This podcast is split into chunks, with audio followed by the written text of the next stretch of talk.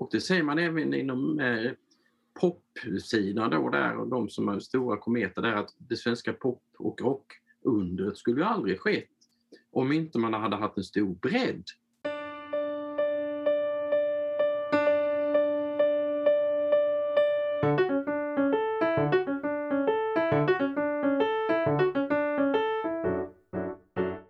Hej och välkomna till Musiklärarpodden. En podcast som handlar om allt som är roligt med musikundervisning.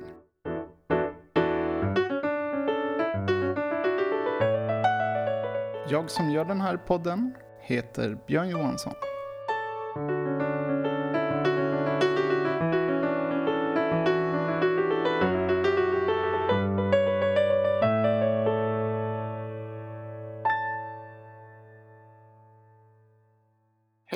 Välkomna till Musiklärarpodden. Och jag hälsar också välkomna mina gäster för dagens avsnitt. Magnus Eriksson, Andreas Baro, Ann-Marie Wangin och Susanne Larsson. Jag tänkte vi kanske kan göra en kort presentation av er innan vi sätter igång med samtalet här. Skulle du vilja börja Baro? Ja, Andreas Baro heter ju jag och jag undervisar på saxofon och klarinett på Linköpings kulturskola. Susanne? Ja, jag heter Susanne Larsson och jag jobbar som brasslärare på Kulturskolan i Upplands Väsby. Jag har alla brassinstrument och eh, även lite ensemble, piano, musikmix och instrumentmix. Eh, Ann-Marie? Ja, eh, jag jobbar på Kulturskolan i Linköping och där undervisar jag i brasslek. Och sen så har jag eh, också alla hornelever. Och sen så har jag blåsorkester på en eh, mellannivå och på en högre nivå, gymnasienivå också. Och sedan så har jag också mm, hornkvartetter och brasskvintett. Sen har jag några timmar på estetiska programmet i Norrköping där jag har brassensemble och hornelever. Och sen så jobbar jag på Musikhögskolan Ingesund och där jobbar jag med metodik. Och sen håller jag i den nya blåsorkesterledarutbildningen där också. Oj, du är lite överallt med andra ord. Det stämmer. Magnus? Ja, jag är då förbundsdirektör på Sveriges Orkesterförbund och eh, jag har då jobbat som professionell musiker på länsmusiken förut då i 20 år. Och jag har även undervisat då på både grundskolan och eh, musikgymnasium på basstuban som var mitt huvudinstrument. Så jag har haft massa stackars elever där och eh, jag leder och spelar i både blåsorkester och brassband och ordförande och även eh, ordförande, förbundsordförande för Kulturens bildningsverksamhet som är studieförbund som vi startade för tio år sedan på kultursidan då. Och en massa andra saker. Så att, som sagt, lite elever har jag drabbats av under årens lopp och jag ser hela kedjan. Så det är jag sugen på att prata med. Spännande. Det är jätteroligt att ha er här. Jag tänkte börja, jag sökte lite nu innan eh, det här avsnittet på liksom vad är status på blåsinstrument och det är väldigt lätt att hitta en negativ bild upplever jag. Det står att liksom intresset för blåsinstrument verkar sjunka och att vissa orkestrar har svårt att hitta musiker och sådär. Jag tänkte att vi, vi ska inte fastna i de här liksom negativa bilderna utan att vi diskuterar hur kan man få till en bra verksamhet? Hur kan man få till en verksamhet som liksom kommer vara jättebra i framtiden också? Och då tänkte jag börja med att, för jag tänker vi alla älskar ju orkesterverksamhet här. Så hur skulle ni beskriva, vad är det stora värdet med att spela i orkester? Hur skulle ni beskriva det? Vem vill börja? Ann-Marie? Jag tänker så här att orkester är gemenskap. Och när man är med i de flesta sammanhang så är det gemenskap man, man är ute efter. Och om man hamnar i fotbollslaget så hamnar man i gänget med en gång eller teatergruppen eller ja, övriga såna här fritidssysselsättningar. När det gäller musik så är det vanligaste att man går till en lektion först. Mm. Och där man har, har man lektionen själv. Och då är orkestern väldigt viktig för att man ska få gemenskap. Alltså då behöver man liksom ta ett steg till. Så det är liksom alltid tuffare tycker jag när det gäller musik. Att man ska få dem till skolan och så ska de börja spela ett instrument men sen så ska vi få det nästa steget också. Att de ska hamna i orkestern så att de hamnar i den här gemenskapen. För det är det vi alla strävar efter. Ehm, alla ska vi inte säga, för det finns barn som vill spela själv på sina instrument och är jättenöjda med det och inte vill vara i några orkestersammanhang. Det får vi inte glömma bort. Men eh, de allra flesta vill vara i gemenskap och det finns ju undersökningar som visar på att det barnen sätter allra högst i gemenskap, nummer två, mycket tid tillsammans och nummer tre, att bli bra tillsammans. Så om vi ska behålla barnen under en längre tid så behöver vi få in dem i den här gemenskapen. Just det, just det. Magnus? Ja, det, jag håller ju helt med Ann-Marie såklart och då tar jag lite perspektivet att när barnen blir lite äldre och då har vi den här helhetstanken, varför ska vi utbilda och lägga massa goda pedagogiska resurser om det inte finns en fortsättning sen? Och det är mm. precis som Ann-Marie säger på lite olika stadier, men även ideella orkestrar har ju den här fantastiska möjligheten att folk från olika samhällskategorier, olika kön, man har olika arbeten, men man har ett gemensamt intresse där man skapar någonting gemensamt är otroligt viktigt för väldigt många människor. Och det gör kanske att man vill vara kvar i den där kommunen eller man kanske flyttar från den där kommunen. Och vi ser ju nu i pandemin här, avsaknaden av vårt kulturliv är ju monumental. Och då ser även de som är utanför våra orkestrar att man saknar oss och det är en viktig faktor. Susanne? Ja, nej, jag tänkte det att man ser ju hos sina elever att de som är med i grupp eller ensemble, de slutar ju i lägre grad. Och eh, Eh, så är det ju bara. Och det kan man ju se ganska tydligt om man har jobbat ett par år, att det är så. Och det är ju verkligen ett eh, mål som man ska ha då, att man ska ha en fungerande gruppverksamhet tycker jag. Eh, och sen kan jag också tycka att det har ju varit väldigt mycket fokus på mm, val av instrument till exempel på kulturskolor i fråga om popularitet och så. Och då har jag funderat en del på det där om varför det är så många som väljer piano och gitarr till exempel. Vad är det med de instrumenten som gör dem så spännande? Och det finns ju förstås massor med olika förklaringsmodeller till media och synlighet och det man hör och så vidare. Men om jag tänker på mina egna elever att de flesta som det är ganska få som slutar ändå. Med tanke på ändå hur, hur pass få som börjar så är det ändå väldigt få som slutar tycker jag. Medan det är ganska vanligt att man hör piano eller gitarrlärare där de har eh, elevtapp på 15-20 procent per år. Och det har aldrig varit något problem eftersom man har haft en kö att ständigt ösa ur. Ja. Eh, och hur det påverkar eh, metodik och attityd, det är också väldigt stort. Men för att koppla tillbaka till att se positivt på orkester i framtiden och våra instrument så kan man ju tänka på att om man bara fick fler att börja så kanske det är lättare att ha dem kvar just eftersom eh, det kanske finns något i våra instrument som ändå man kan använda på ett bra sätt i en orkesterverksamhet till exempel jämfört med att spela piano på rummet. Just det. det blir en väldigt utläggning där men jag vet inte om ni förstod vad jag ville komma till. Ja. Ann-Marie? Ja, jag ska bara säga att jag håller väldigt mycket med Susanne i det du säger. Eh, men jag upplever också att, ehm, att vi jobbar väldigt hårt inom blåsvärlden på att behålla varenda elev när vi har väl fått in dem. Ehm, så att vi, liksom, vi vill inte ha några tapp alls. Så att, eh, ja, jag förstår precis vad du menar. Mm. Andreas, skulle du, skulle du vilja säga någonting? Ja, det blev inte så mycket över. Men eh, nu. Man, man kan jag, hålla jag, med föregående talare också. Ja, men jag, håller med alla. Liksom eh, samhörighet liksom. Vad var det som gjorde att du kände att du ville fortsätta spela blåsinstrument och spela orkestrar och storband? Eh, men så här, jag, brukar säga att jag, själv är där jag är för att jag aldrig slutade. Liksom. Så här, att, eh, att spela ett instrument har, har sina toppar och dalar. Liksom. Det är inte det, det, för, det, har inte varit roligt att spela hela tiden. Mm.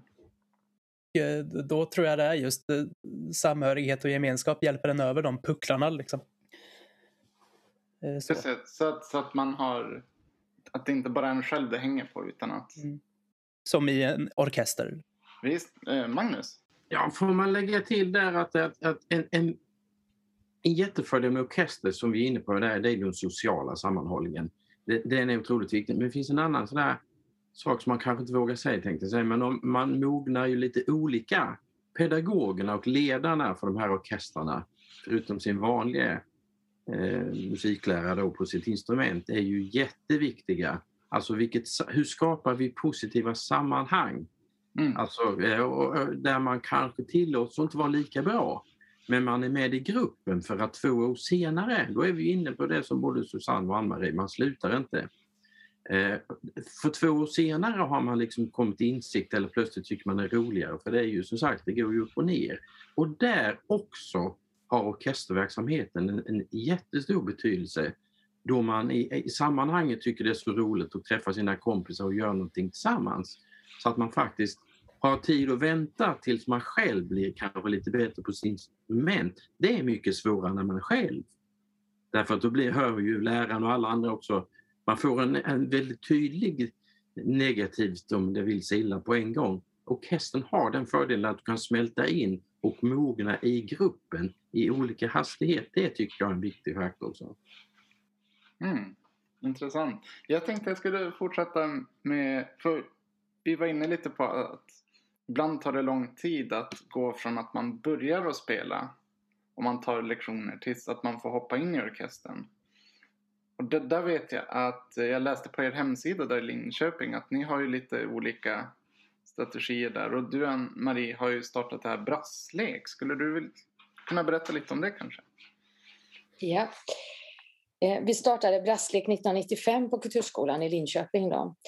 Och eh, från början så var det för att eh, när jag gick min utbildning, jag gick på Musikskolan Ingesund, så upplevde jag att de övningselever jag hade spelade, när de spelade låtarna spelade de var ton för sig. De spelade liksom inte i fraser. Och då tänkte jag, liksom, hur skulle man liksom kunna komma åt det här? Och då tänkte jag, det, med rytm och puls. Om, barn, om man jobbade mycket mer med rytm och puls från ett tidigt stadium. Då. Och sen så pratade jag med en rytmiklärare på skolan och vi diskuterade en hel del och så funderade vi på om vi kunde lägga in det här i blåsorkesterverksamheten. Men efter ett tag kom vi fram till att det är nog inte så populärt att komma till högstadiet och börja med rytm och puls liksom direkt och, och jobba på det sättet om man inte har fått det från början. Så det var då vi startade med brasslek. Och från årskurs ett. Och då är det en, en brasslärare och en rytmiklärare som jobbar tillsammans. Och första året innebär att man får prova på de här instrumenten och lära känna dem. Och då har vi valt kornett, barnhorn och bariton. Och vi har valt, inte trumpet, vi valde bort trumpeten för att den är så lång att hålla i så att det liksom blir svårt för barnen rent ergonomiskt och kornetten är mindre då. Mm. Och sen har det en mjukare klang också när man är en större grupp då tillsammans. Då. Så då får de liksom testa de här instrumenten i, eh, under året i olika perioder. Um, och så jobbar vi mycket med sånger där man gör fill-ins in. Så man sjunger större delen av låten och så spelar man en liten del. Och det är bara för att de ska få en musikalisk upplevelse av det hela. Så det inte bara blir en eller två toner som man spelar då, utan det blir mer. Då. Mm. Och sen jobbar vi mycket med rytm och puls också under första året. Olika övningar, så vi väver ihop allt det här. Då. Och det är grupper om cirka 12 barn i varje grupp. Då. Och sen till andra året så väljer de ett av de här instrumenten som de spelar på under hela året. Och då börjar vi med notläsning eh, på ett, ja, ett väldigt lätt sätt. Vi börjar med gehörsinlärning och sen får, letar vi eh, tillsammans fram vilka noter vi har spelat och sen så får de skriva ner låtarna så får de ha dem som läxa. Då. Och så blir det liksom mer och mer spelning. Så man kan säga att första året är det fill-ins, andra året är det mer att man spelar en vers och sjunger en vers kan man säga. Och sen så småningom då så har de har vi gjort, när de är färdiga och går in på instrumentalundervisningen så har vi gjort en del av första terminens jobb på en vanlig instrumentalundervisning kan man säga.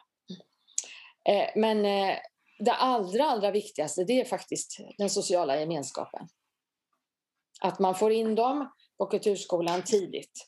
Man får, det de vill, alltså många föräldrar vill ju att man ska starta ett intresse när man börjar skolan. Liksom, mitt barn ska ha ett intresse, antingen det är fotboll eller spela eller någonting. Och då behöver man liksom plocka in dem redan där.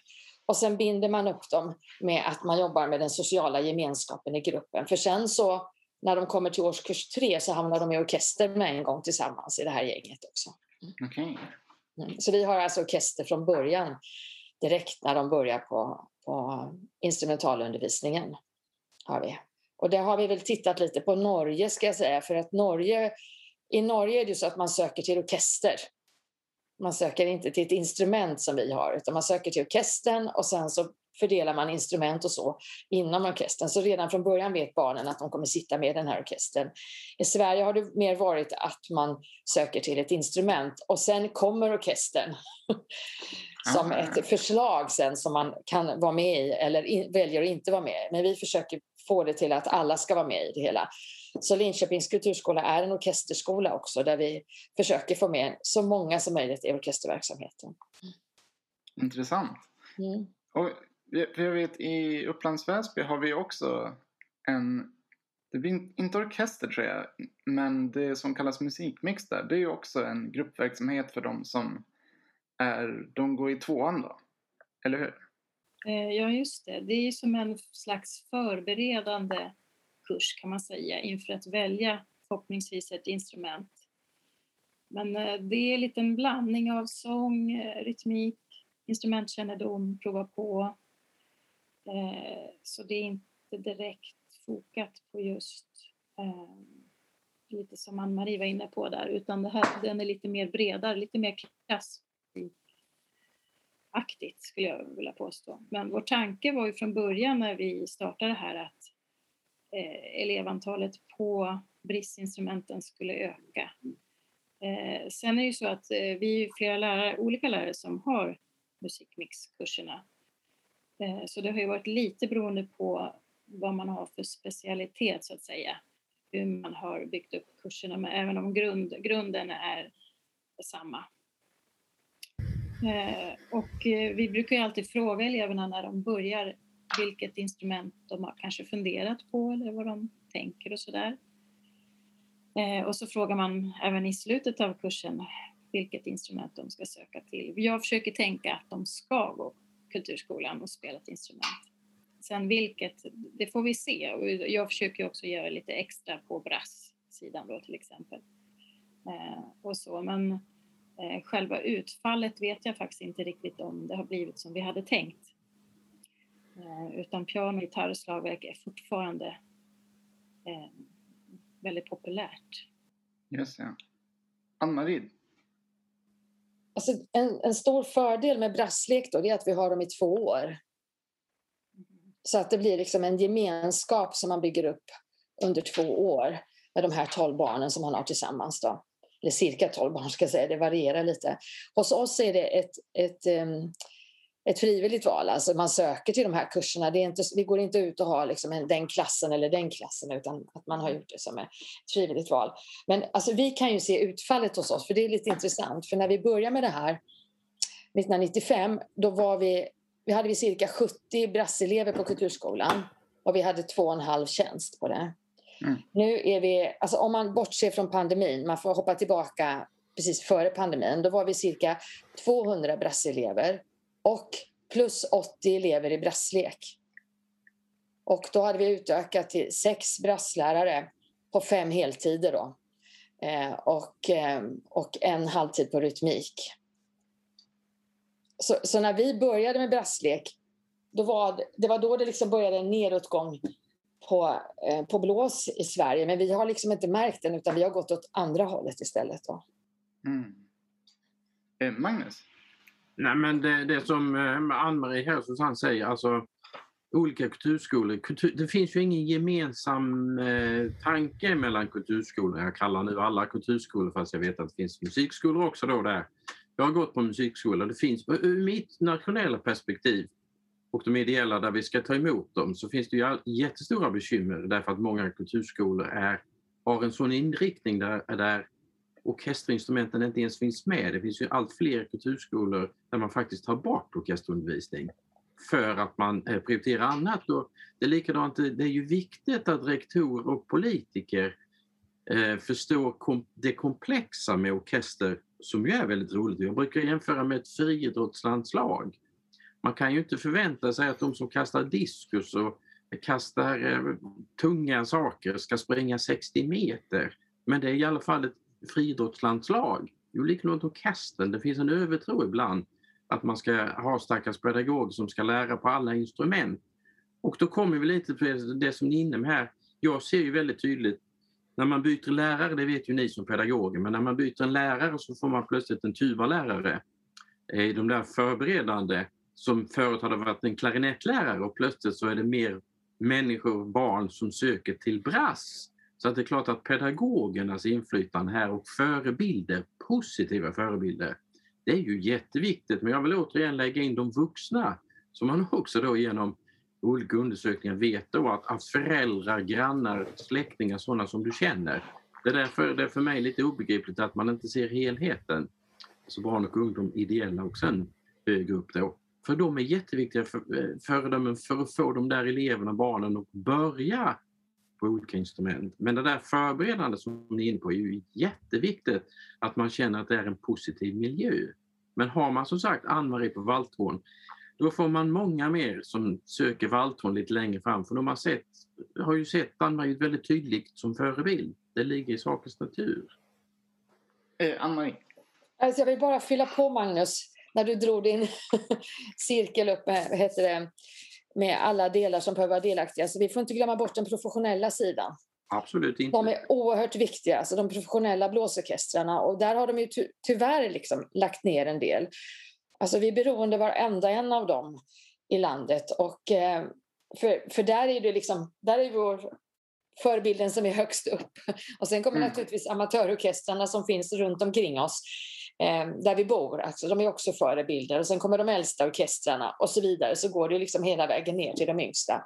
Så om inte det finns en sån här näringskedja då är det svårt liksom, att veta vad man ska sträva efter. Det där, är, det där är jättespännande, just med förebilder. Eh, jag upplever att jag har märkt mer och mer hur viktigt det är att man faktiskt, när man undervisar, man spelar för eleverna. Och man visar hur fett det kan låta. Liksom. Hur vux, vuxna musiker där, eh, borde vi jobba mer för att de professionella orkestrarna, att liksom vuxna amatörorkestrar är mer och samarbetar med kulturskolorna eller liksom kommer att spela för eleverna? Vad, vad tänker du Magnus? Ja, alltså om vi, om vi tittar på, alltså våra kommuner är ju väldigt olika, kulturskolorna är väldigt olika. Men om vi då tittar på Linköping som ni tar som ett gott exempel. Det finns ju då andra som Arboga och Karlshamn så kan man räkna upp. Men då är ju ett bekymmer att de färre som man kan räkna upp som goda orkesterexempel där man just har en gemensam hållning, nämligen kulturskolan och det ideella kulturlivet och om man natur dessutom har en institution, samarbetar. Och det är ju när man inte samarbetar, tar vi då Norge som är ett fantastiskt gott exempel, men det gäller ju även Tyskland, Holland, det gäller ju massa länder, så har man just att man ser flödet man ser alla led på en gång utan att säga att vi och ni. Och det är det man många gånger gör på idrottssidan, så använder man vuxna, jag som har jobbat på länsmusik och spelat tusentals skolkonserter, det är ju jätteviktigt.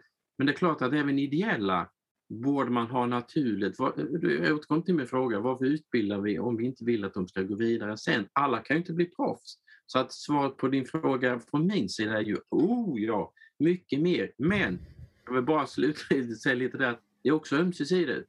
Även de vuxna, ideella, professionella måste också hitta någonting så att det passar barn och ungdom. Det är liksom inte ensidigt utan det är verkligen ömsesidigt. Eh, alltså, Ann-Marie, du vinkade där. Ja, vi har försökt göra en hel del sådana här samarbete i Linköping då, som har, eller försökt, vi gör ska jag säga. Vi har något till exempel som heter Kammarmusikaliska kullerbyttor som Kammarmusikföreningen gör. Och då har vi eh, Östgöta brasskvintett, alltså professionell, och också Krusellkvintetten, professionell, som eh, har en, en liten konsert varje år för de yngsta eleverna på skolan. En halvtimmas konsert och eh, där vi, vi, går dit med alla som går i brasslek och alltså de första åren i orkestrarna. Och sen spelar de och sen så har vi de en frågestund efteråt. Då. Och det är så himla häftigt sen efter konserten att se liksom hur de här barnen går fram och står och diskuterar med de här musikerna liksom, som musiker till musiker. Liksom. Mm. Jaha, hur mycket övar du varje dag och hur gör du med ditt instrument och sådär. Så, så det tycker jag är en liksom väldigt fin grej. Alltså. Sen så tänker jag också på, jag har haft lite kontakt med Göteborg Windband och de gör ju ett jättestort arbete nu med att försöka nå ut till kulturskolor runt omkring för att ha samarbete med deras blåsorkestrar och erbjuder samarbete runt om. Um, och för att ha konserter ihop. Liksom. Och alla sådana här där man knyter ihop olika delar tycker jag är bra. Alltså det, det, spelar ingen roll om det är yngsta orkestern på Kulturskolan med äldsta, att de yngsta får vara solister med de äldsta eller att de spelar ihop en låt där man har förenklat stämmer eller att man bjuder in amatörorkestern som får spela ihop med elever på Kulturskolan eller professionella orkestern som får spela. Liksom. Allt det här bidrar ju till att vi liksom, barnen får en helhetssyn och förstår vad det är också och upplever att det finns en fortsättning. Och när det finns en fortsättning, då kan man också som barn eh, och ungdom förstå att det här är någonting jag kan syssla med i framtiden. Mm. Oavsett som professionell, som lärare eller som amatörmusiker. Så, så liksom, det är viktigt för, att visa på hela den här kedjan hela tiden så att man inte bara kör i sin egen lilla värld utan man behöver liksom göra samarbeten åt olika håll, tänker jag. Jag har faktiskt funderat, eh, nu så har jag inte jag har inte gått orkestervägen även om jag spelade mycket i kulturskolan, spelade mycket slagverk bland annat. Ehm, men, men säg att man vill fortsätta där, hur kommer man in i en orkester? Hur, hur ser liksom övergången ut där när man är för gammal för att gå i kulturskolan? Fast det är ju det som, på jag ska ändå säga att eh, många ställen finns ju den kopplingen naturligt. Alltså någon, några musiklärare kanske spelar i orkestern. Det finns, ju, det finns ju fortfarande de som har lyxen att ha det i tjänsten, vilket jag personligen tycker är jättebra. För då får man ändå musicera själv också. Det tycker jag borde ligga i varje arbetsgivares intresse. Men, men då har man ju det här föredömet, man har sin musiklärare, man ser någon annan musiklärare eller eh, till kopplingen till vuxenorkestern, den ideella orkestern. Då. Så, och då är det mycket lättare än om vi just ska försöka hitta varandra. Och det, det som är ett bekymmer i Sverige just att vi har för få arenor där vi gemensamt umgås utan vi sitter i ena hörnan och vi andra sitter i en annan hörna. Så, mm. så, så, det är väldigt viktigt att vi hjälper till, som du säger Björn, den där övergången. Alltså, och det är också ömsesidigt. Det gäller inte bara musik på kulturskolorna utan det gäller även de ideella orkestrarna. Eh, så att men då måste vi hitta arenor där vi pratar med varandra, inte om varandra. Just det. Andreas, du vinkar ja. med handen. Nej, men jag, jag, tror också att eh, studentföreningar och orkestrar kan ha en lucka att fylla här. I alla fall i den här stan så är de lite i sin egen bubbla. Universitetet har sin egen hörna av, sta, av staden. Liksom. Sen har ju inte alla städer universitet. Liksom. Men eh, jag har bott här nästan hela mitt liv. Liksom. Och när jag växte upp så såg man studentorkesterfestivalen en gång om året. Eller var varannat år. Kanske. Sådär. Så det skulle ju vara ro roligt för elever som spelar nu att få se lite, lite mer av tror jag. Får jag ställa en liten fråga där till er pedagoger? Eh, eh, vad är målsättningen med att lära eleverna att eh, spela olika instrument, inklusive då ha orkester? Så lite ledande fråga då, men är det, är det inte roligt som pedagog när man då ser att eleverna, studenterna, fortsätter sitt musicerande efter att man är 16? Annars kan man ju känna, jag själv kände när jag var pedagog då, det är klart att jag tyckte det var jätteroligt att flera stycken av mina elever kom in på Musikhögskolan. Men jag tyckte det roligaste var att de faktiskt fortsatte att musicera. Annars har vi ju lagt otroligt mycket tid, massvis med år, på någonting som plötsligt tar stopp.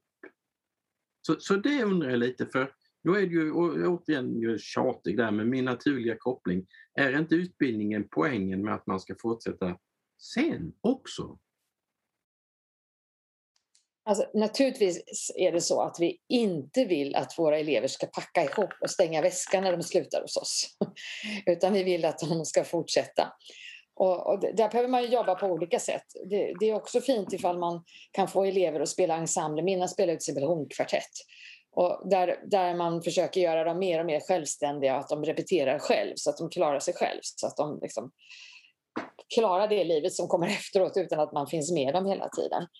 Men sen tänker jag de här med övergångar som du pratar om, övergångar, eller som ni pratar om, från kulturskolan till livet efter då. Men alltså de här övergångarna har vi hela vägen. Vi har dem på Kulturskolan. Man börjar i första orkestern och sen ska man gå vidare till nästa och till nästa och till nästa och till nästa. Och varje gång man ska gå vidare så är det ett tufft steg. Det är lätt att förlora någon. Så man behöver liksom bygga upp trygga övergångar. Eh, vi har gjort en variant att vi till exempel både på hösten och på våren har vi konserter ihop med alla elever på, på brass från årskurs 1 till årskurs 5. Så då ser man liksom att ja, brasslek första året och sen andra året och sen hamnar jag i den orkestern och då låter det så och sen hamnar jag i den orkestern och sen hamnar jag i den orkestern. Och då ser man liksom ja, vad heter det, hur det kommer se ut framöver. Eh, och det tror jag liksom är viktigt. För det gör att man fortsätter också, man vet vad som kommer härnäst. Sen hade vi liksom ett hål mellan då årskurs 5 och årskurs 6. För då byter det plötsligt och så blir det stora blåsorkestrar och storband och symfoniorkestrar och sånt. Och de, där märkte vi plötsligt att vi tappade ganska många elever. Gjorde vi. Så nu har vi gjort, byggt över den övergången där också så vi har liksom konsert ihop med dem och eh, det kommer föräldrar från föräldraföreningen och pratar om, om läger som plötsligt börjar från årskurs 6 och, och föräldrarna är med också på de här konserterna. Då.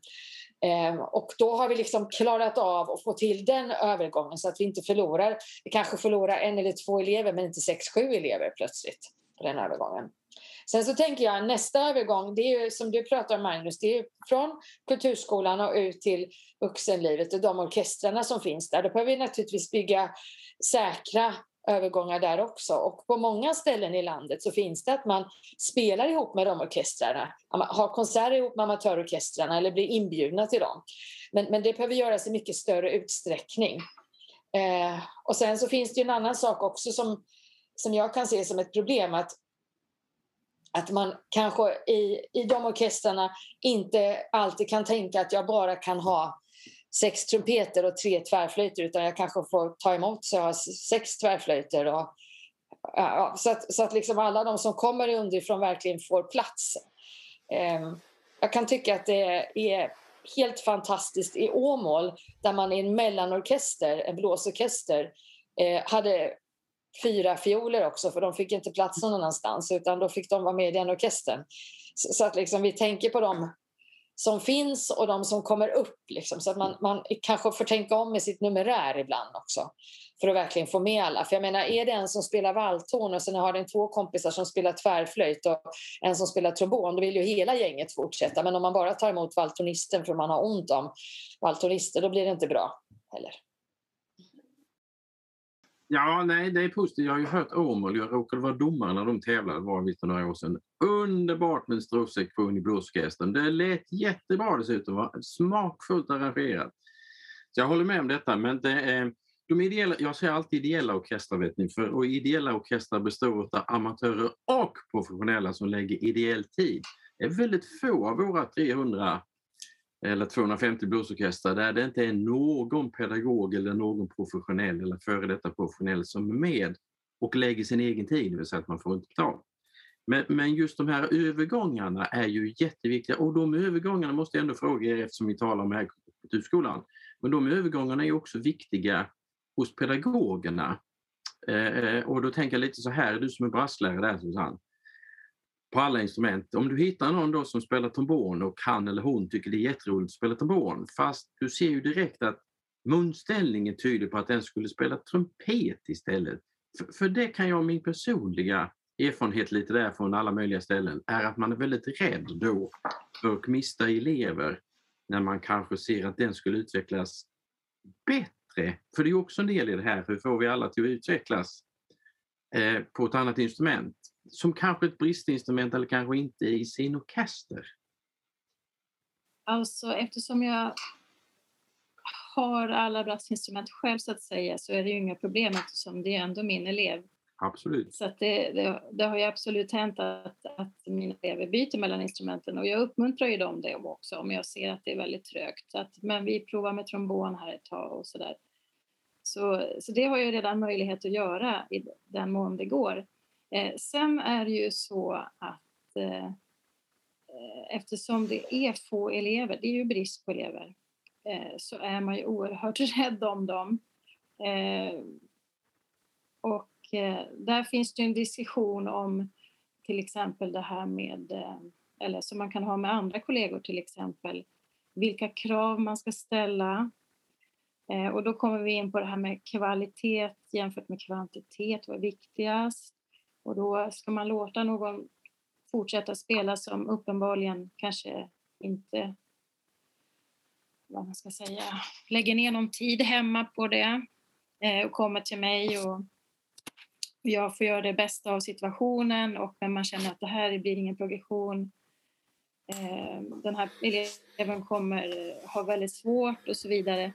Eh, och då kommer man i det här gränslandet mellan eh, jag är så rädd för att tappa mina elever jämfört, ja, du förstår. Och jag tror att det kan vara så för många lärare ute i landet att man har så få elever och man är så rädd om dem att man, man har svårt att ställa krav eh, eh, och, eh, och det ger sikt, eh, långsiktiga eh, effekter av det. Och framförallt eh, efter ett par år kommer de ändå sluta för att de inte utvecklar. Men det är svårt att se vad som är hönan och ägget där. Vem har ansvaret? ja.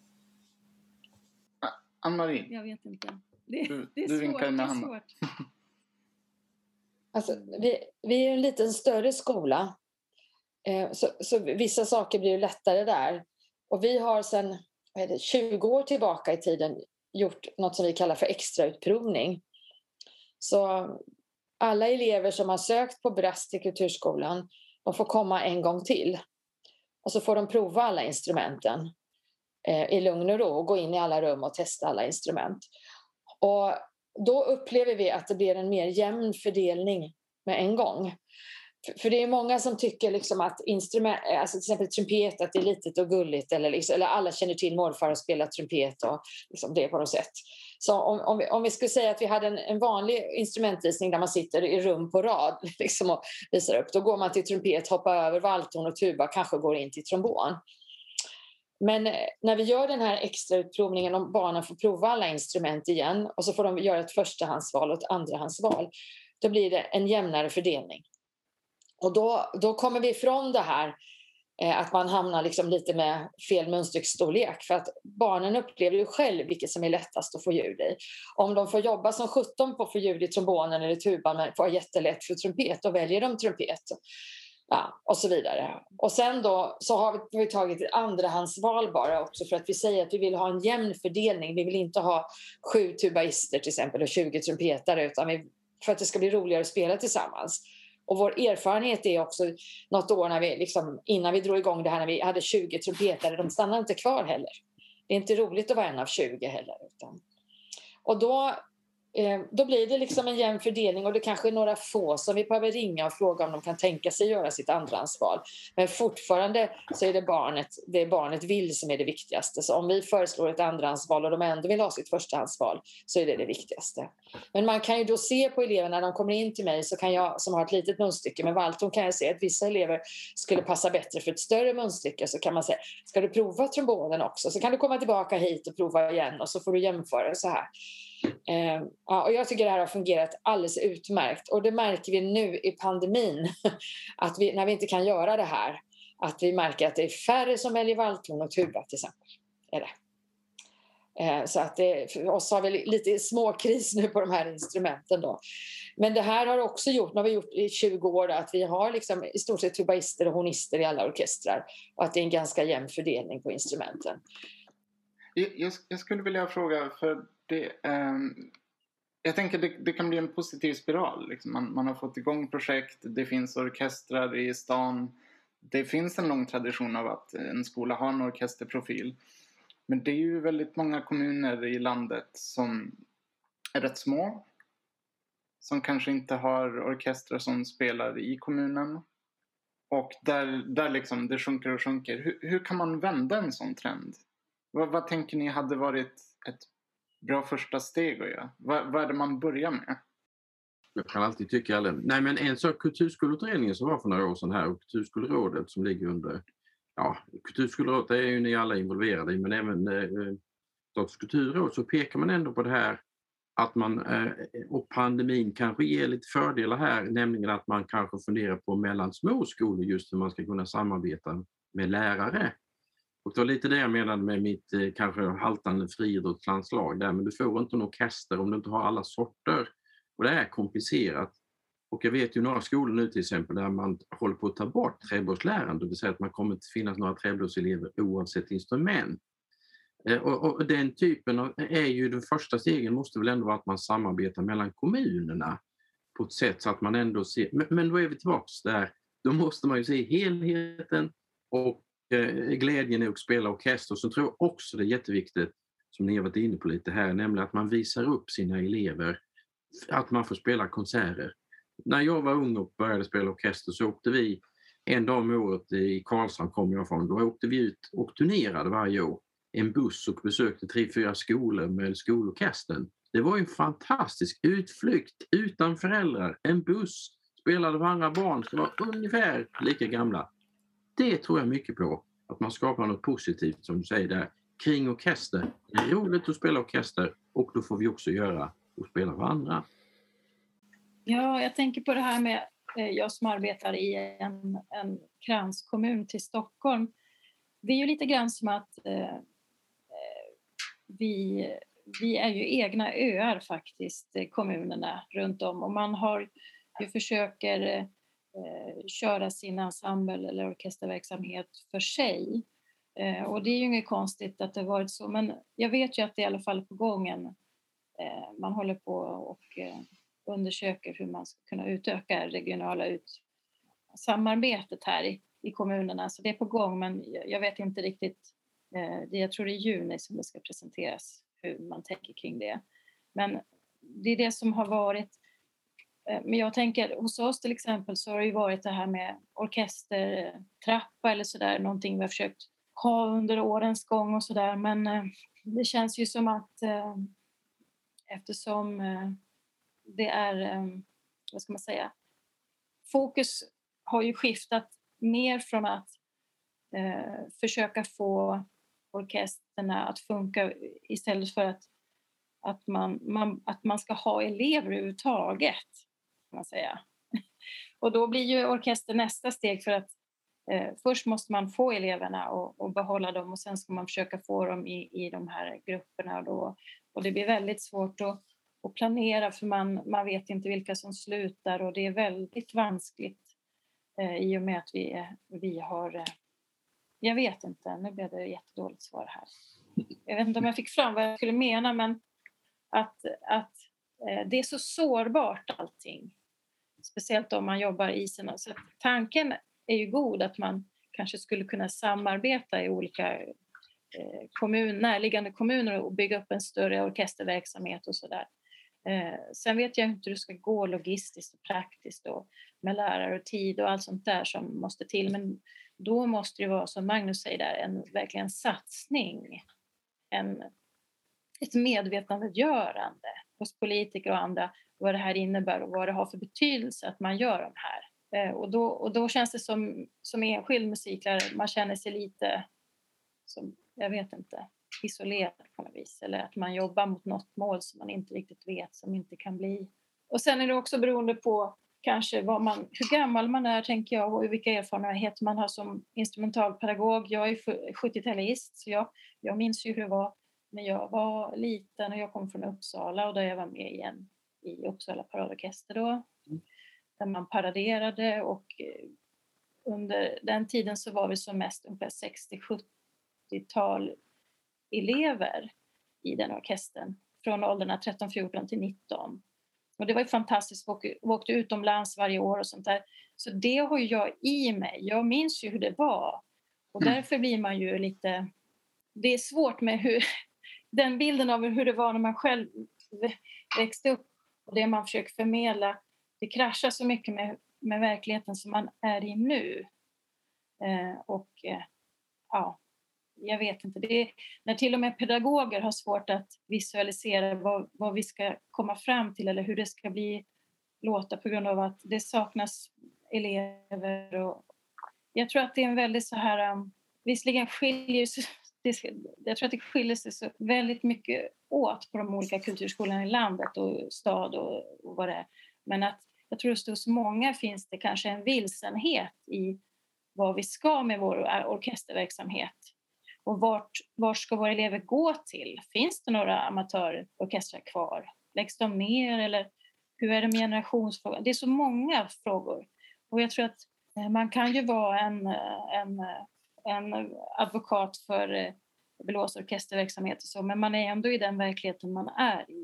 Och det är svårt att, viss, jag vet inte. Ja, jag, jag tycker det här är jätteintressant det som Susanne tar upp. Alltså vi, vi har ju olika verkligheter hela tiden som man måste förhålla sig till. Um, sen, ett, ett, sen ungefär två år tillbaka i Östergötland um, så jobbar vi brasslärare ihop väldigt mycket. Jag kan säga det att det tog, det tog säkert 12-13 år innan vi kom dit. Vi pratade om det hela tiden men det blev liksom inte av utan det liksom sköts upp och vi sa att vi skulle göra saker ihop och sådär. Men så plötsligt för två år sedan så hände det någonting och att vi liksom tog tag i det rejält.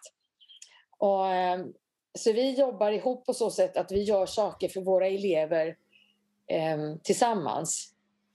Så Motala har till exempel ansvar för de yngsta eleverna och gör något som heter Braskalor en gång per år. Um, och sen så har jag ansvar för man kan säga årskurs fem däromkring och, och så har vi en festival i Vadstena för de blåsorkestrarna på den nivån. Då, är det. Och då är det blåsorkestrar. Då. Um, väldigt lätt gjort, alltså att vi vi åker dit, alla har med sig egen matsäck. Vi har några gemensamma nummer. Vi har blåsorkesterkampen, en liten tävling som jag brukar sätta ihop. Och sen så spelar vi på torget tillsammans och så går vi och äter glass och så där. Så det är liksom ingen stor grej. Och sen åker vi hem, men det är en dag. Liksom. Mm. Så att de får komma ut och få träffa andra elever från kommunen. Då. Mm. Och sen så när du kommer till högstadiet eh, då har vi också en sån här brass eh, jag kommer inte ens ihåg vad det heter, Östgöta Brass någonting, ja, i varje fall. Och då är det, då är det Linköping och Norrköping som har varannan, vartannat år som drar i det här då, där man drar ihop alla eleverna som går på högstadiet. Då. Och sen gymnasiet tycker vi ändå att det finns en del grejer här runt omkring så det klarar sig. Eh, men det som är oerhört viktigt för oss det är ju att alla kan vara med. För eh, jag menar från Söderköping kanske det kommer tre elever. När vi från Linköping kanske bidrar med 30 elever eller mer ändå, menar jag, eh, Eh, till de här. Så, så att, och det är självklart att inte Söderköping och Vadstena och Finspång och eh, Ödeshög och alla de här mindre orterna, att de liksom kan dra i större bitar. Utan det får ju vi göra som har de stora skolorna. Liksom. Man måste ju hjälpas åt. Men eh, de lärarna hjälper hjälper naturligtvis till på plats och, och gör liksom, jag menar, när vi är i Vadstena har festivalen då håller ju den brassläraren där i hela festivalen och organiserar allting runt omkring med kontakter och eh, spelningen på torget och skolor och sånt. Så att, ja, men vi hjälps åt. Så jag, jag, tror, jag tror mycket på det här med att hjälpas åt men, men det är också jag kan förstå dig, Susanne, för det tog, liksom, det tog jättelång tid till, innan vi fick till det fast vi pratade om det. Men, men vi har haft såna här länsstudiedagar med alla, liksom, har vi en gång per år här i januari. Men nu har vi fått till så vi i Brasset har en i september varje år också med bara Brasset. En extra där vi träffas och har en hel dag liksom, där vi, eh, alltså vi, vi diskuterar hur vi jobbar på olika sätt i, i skolor. Så liksom, det kommer olika tips. Liksom. Vi har gjort så här och vi har gjort så här och vi har gjort så här. Liksom. Och, och sen så vid något tillfälle hade alla med sig litteratur, liksom, som man liksom nybörjarlitteratur och så la vi upp det på bordet och så gick vi igenom och då fick vi liksom, jaha, finns det också? Jag har ingen aning om det kunde man spela och så.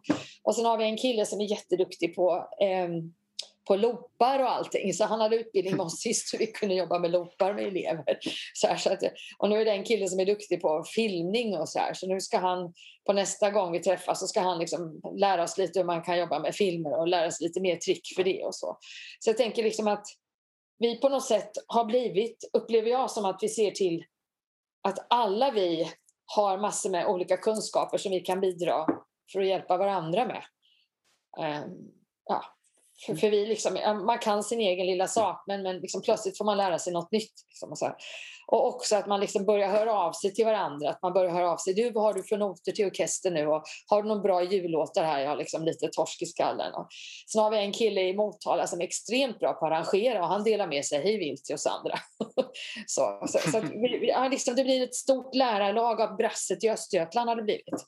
Så, som jag, ja, jag tyckte oerhört kul alltså. Och, um, väldigt inspirerande har det varit eh, för att se alla olika delar. Och vi har också vi hade liksom, sist hade vi diskussioner kring GDPR. för det var så olika på olika skolor. Och liksom hur man kunde göra, hur gör ni och hur gör vi? Och jaha, gör ni så? Det ska jag ta med mig och kolla om vi kan göra också. Så att liksom, ja. Det blir en stor kunskapsbank, så skulle jag vilja säga. Just det, just det. Jag tänker det måste vara en otrolig fördel också när man kommer som ny lärare in i en kulturskola. Att, att man har det här liksom, kontaktnätet och man får mycket input från andra lärare. Är, är det något du har märkt av Andreas när du har börjat i Linköping? Ja, träblåset har väl inte kommit riktigt lika långt som brasset har i Östergötland. Det, i vad jag upplever så är det ganska fräscht fortfarande. Vi har börjat. Sen hände pandemin och satte lite käppar i hjulet för oss. Liksom. Sådär. Jag, jag kommer fråga om lite tips. Kanske. Från Brasse. Just det, just det. Uh, Magnus, du vinkar. Ja, jag, det, jag tycker det är härligt att höra med andra. Jag känner till Linköping och sagt det finns andra skolor. Men det, det du säger Ann-Marie är ju att länet har tagit, alltså, och då handlar det om ledningen. Det handlar om rektorernas vilja och vilja samarbeta. För jag förstår att den enskilda musikläraren är alltid besvärligt. Samtidigt kan man göra saker och ting själv. Då. Men jag vill ändå peka på en liten utveckling som är positiv även för blåsorkester och symfoniorkestersidan. Och man har ju då, eh, Statens kulturråd har ju då beviljat pengar och det finns ju två, jag tror det finns eh, inte mer än två, men det vet jag inte riktigt, men det finns ju regionala kulturskolesamordnare i Västmanland och Örebro. Och de är den där extra kraften, producentkraften, som har gjort att musiklärare både på brass och träblås och piano, gitarr och allt vad ni vill, sång, teater, eh, har fått anledning att träffas och det skapas någon extern som gör det där jobbet så att det ska bli någonting av samarbeten. Och det tror jag har, eller det vet jag, att det betyder väldigt mycket också för det vi talar om nu, nämligen utbyte av...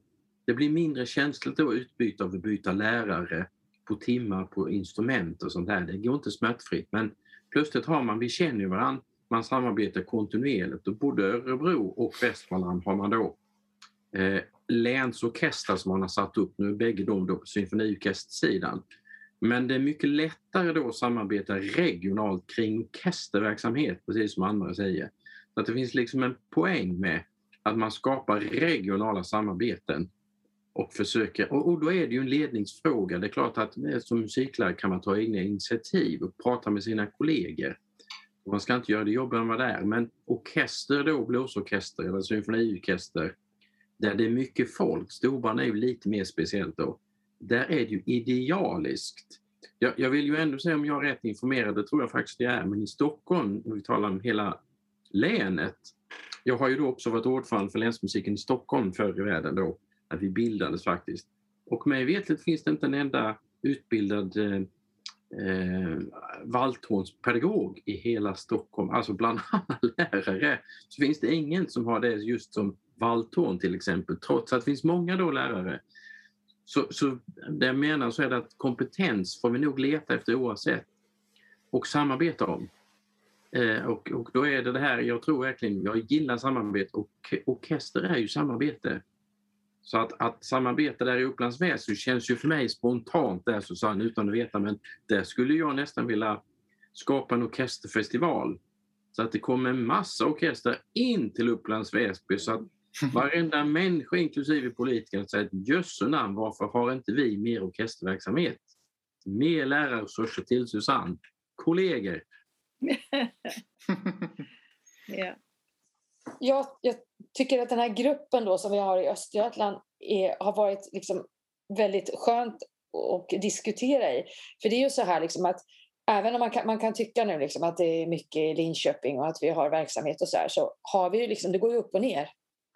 Det händer ju saker så att det inte går bra och så måste man liksom förbättra det. Liksom. Det är ju ingen dans på rosor kan man säga, liksom, utan det, det är, och då kan man liksom ta med sig små saker och diskutera i den här gruppen och man får idéer från andra håll och input. Ehm, så, så, jag tänker liksom att den här sammanlagda kunskapen som finns i sån här grupp bidrar till att det blir bättre i hela länet på alla skolor. Ehm, det är inte så att liksom vi tuffar på och det fungerar jättebra utan det går liksom verkligen så här upp och ner på olika sätt. Och ibland har vi bortfall, liksom, kan vi ha någon årskurs där vi liksom saknar något instrument i brassgruppen och hur ska vi nu göra för att locka till oss? Och så hör vi att ja, då gör de så där. Eller, eller nu, nu sist så diskuterade vi trombon till exempel för att vi kände att det var lite liksom tunt och då då bestämde de sig för att göra en trombondag och då var det flera trombonlärare som gick ihop och gjorde det för att de mm. skulle få spela tillsammans och för att det skulle hända mer för tromboneleverna. Så jag tänker liksom att eh, det är liksom ett ständigt arbete. Det kommer aldrig bli så att liksom det bara rullar på, att det är fantastiskt, utan man måste hela tiden ja, eh, ta tag i det. Mm. Ja. ja, vi har ju haft eh, eh, under ett antal år liknande, alltså samarbeten här som förut det hette Juvus. Det var Sigtuna, Upplands Väsby, Järfälla och de närliggande norrortskommunerna i, i Stockholm som träffades på studiedagar åtminstone en gång per år. Eh, och då fick man ju möjlighet att träffa mm. kollegor och så i de andra kommunerna, absolut. Så det, det har ju absolut funnits. Och, eh, jag har till exempel på på eget initiativ träffat kollegor i Sigtuna till exempel, trumpetläraren där och, och träffats några timmar och pratat om hur gör du, det, så här gör jag och, och så där. Eh, så det, är inte det, det är inte så att man inte söker kontakt eller så, eller att det inte finns de möjligheterna, men, men jag känner mig lite inspirerad nu faktiskt att ta tag i det här och kanske, kanske driva lite, lite mer att, eh, samarbete med andra brasslärare till exempel över kommungränserna man kanske tänker att det inte går. Oftast den första tanken kanske. Jag vet inte. Nej, ehm, kanske ska ta tag i det lite, lite mer. För som sagt, det blir ju väldigt mycket så att man jobbar i sin egen lilla ö. Speciellt också när man jobbar som ensam pedagog på, i hela brasset. Det är lite speciellt. Man har ingen kollega att bolla med eh, och, och, så. Så det, det är klart att man vill prata med andra. Ja, verkligen. Det, det, det har jag känt under min, när jag har undervisat och så och andra projekt jag har företagit mig att fördelen med att vara ett gäng eller vara flera är att, att det är inte bara tips man delar utan även nervositet och liksom äh, ångest och allt möjligt och den här om, om man känner ah, ska jag verkligen göra det här? Så kan man prata med någon och så får man den här peppen. Det, det tror jag verkligen gör otroligt mycket. Mer än bara liksom de, att, att man får hjälp med det positiva. Man får hjälp att liksom bearbeta det negativa också. Det tycker jag är en intressant vinkel. Vi i Sveriges Orkesterförbund har ju ett, ett allmänna arvsfondsprojekt som nu är inne på tredje året då, som just behandlar nervositet och då har vi ett samarbete med några kulturskolor i Stockholm då, och där är det faktiskt, jag blir väldigt förvånad, jag har ju varit med på deras utbildning också då där och det handlar just om psyket. Den ena delen är och kroppen, den andra delen och den tredje delen hörseln. Och det konstnärliga utövandet också då. Och eh, eh, där har vi tagit fram utbildningen just för musiklärare då. För ingången där är musikläraren ska må bra för att kunna få eleverna att må bra. Det är liksom lite vår tankegång att vi tittar på grupperna samtidigt då. Och, och jag blir väldigt häpen över att det finns väldigt lite utbildning just på den mentala biten där vi gör när det gäller musikhögskolorna till exempel. Alltså mm. överdriver lite, men faktiskt ganska lite. Och att det finns ganska stor det är ett bekymmer för många musiklärare att faktiskt just mentalt eh, de känner stor stress av det här att stå framför och tala till publik. Mycket mer än vad jag skulle gissat på. Eh, så att den biten är också viktig när vi talar om orkester och tala om att, att man jobbar för att man vill eh, visa upp sin orkester och det här själva framförandet är en, en bit som vi nog inte ska bortse ifrån. Det spelar ingen roll om det är blåsorkester, storband eller vilken som helst eller en grupp. Men, men den mentala biten är faktiskt en, ett kapitel för sig. Bara en kort replik. Bara för att man älskar att leda orkester är inte säkert man älskar att prata. Nej, får, får, får jag bara komplettera kort där? Kör, Nej, kör på. Nej, men det, det förstår jag. Ni vet som professionell musiker. Jag, jag kan tycka då idrottsvärlden, jag älskar ju idrott också sen ni. Idrottsvärlden är jätteduktig på att använda sina professionella till att göra andra saker. Alla tycker inte det är roligt, men det ingår i jobbet. Som professionell musiker så tycker jag då, har tyckt i 40 år, så det är ingen nyhet de som känner mig. Och, och har man jobbat som jag då på region och länsmusik, då ingår det i jobbet faktiskt att prata inför andra. Det ingår absolut i jobbet. Det räcker inte med att vara bra på att spela ett instrument. Så att just den där mentala biten tycker jag faktiskt vi behöver ändå fundera på just på utbildningssidan. Hur utbildar vi våra elever till att våga spela solo med sin orkester? Hur utbildar vi lärarna bättre mentalt för att våga prata? Och inte bara leda. För, för den diskussionen är ju väldigt viktig för er pedagoger, eller för alla pedagoger, eh, tycker jag. Så den biten ska vi faktiskt inte bortse ifrån. Och då kan man ju också fundera på hur, hur blir vi bättre utbildade på de bitarna så att våra verksamheter uppfattas som mer intressanta. Så, så det är verkligen ett, ett viktigt kapitel som vi inte ska nonchalera. Och där har det visat sig i vårt arbete. Vi samarbetar ju då med professionella läkare, vi samarbetar som sagt med musikhögskolor och sånt här också. Det är uppenbara eh, bitar som saknas. Mm. Eh, om jag får byta spår lite grann. För nu har vi pratat mycket om eh, organiseringen av orkesterverksamheten. Liksom hur fångar man upp dem när de är små? Hur tar man sig vidare ut? Vikten av förebilder. Eh, en, en sak som jag läste på er hemsida där i Linköping var att ni betonade, om vi pratar mer om när man är i orkestern och spelar. Så ni pratar om vikten av varierad undervisning. Men jag, jag tänker så här eh, att när man kommer och har varit med om brasslek och träblåslek när man är liten så är det ju en väldigt varierad undervisning. Är det. Och när man då kommer till sin första orkester så fungerar det kanske inte att du har med dig tre låtar på samma sätt utan de här barnen är vana vid att det händer olika saker på repetitionen. Och Eh, jag menar inte att det är fel att ta med sig tre låtar och de lärarna som jobbar på det sättet jobbar med innehållet liksom, på, ett- på ett bra pedagogiskt sätt. Utan jag tänker mer att man kanske, eh, ja, man kanske ägnar en stund åt att jobba med Eh, skalor på olika sätt. Man kanske spelar dem i kanon, man kanske placerar man i olika platser av rummet så, man liksom, så börjar man med dem och sen dem och sen dem och sen så har man, ja, och så finns det liksom många varianter. Det kanske slutar med att man till slut går omkring i rummet och spelar skalor i kanon. Så, så att det blir en varierad på det sättet så att man använder rumsytan också. Men sen kan man också plocka ut de rytmerna som finns i stycket och jobba specifikt med dem på ett tillfälle under repetitioner. Man kan jobba med att dirigera, man kan lära alla barnen dirigera, man får prova på det. Man, man kan jobba med att komponera saker. Så det, det är det som jag tänker på, en varierad undervisning.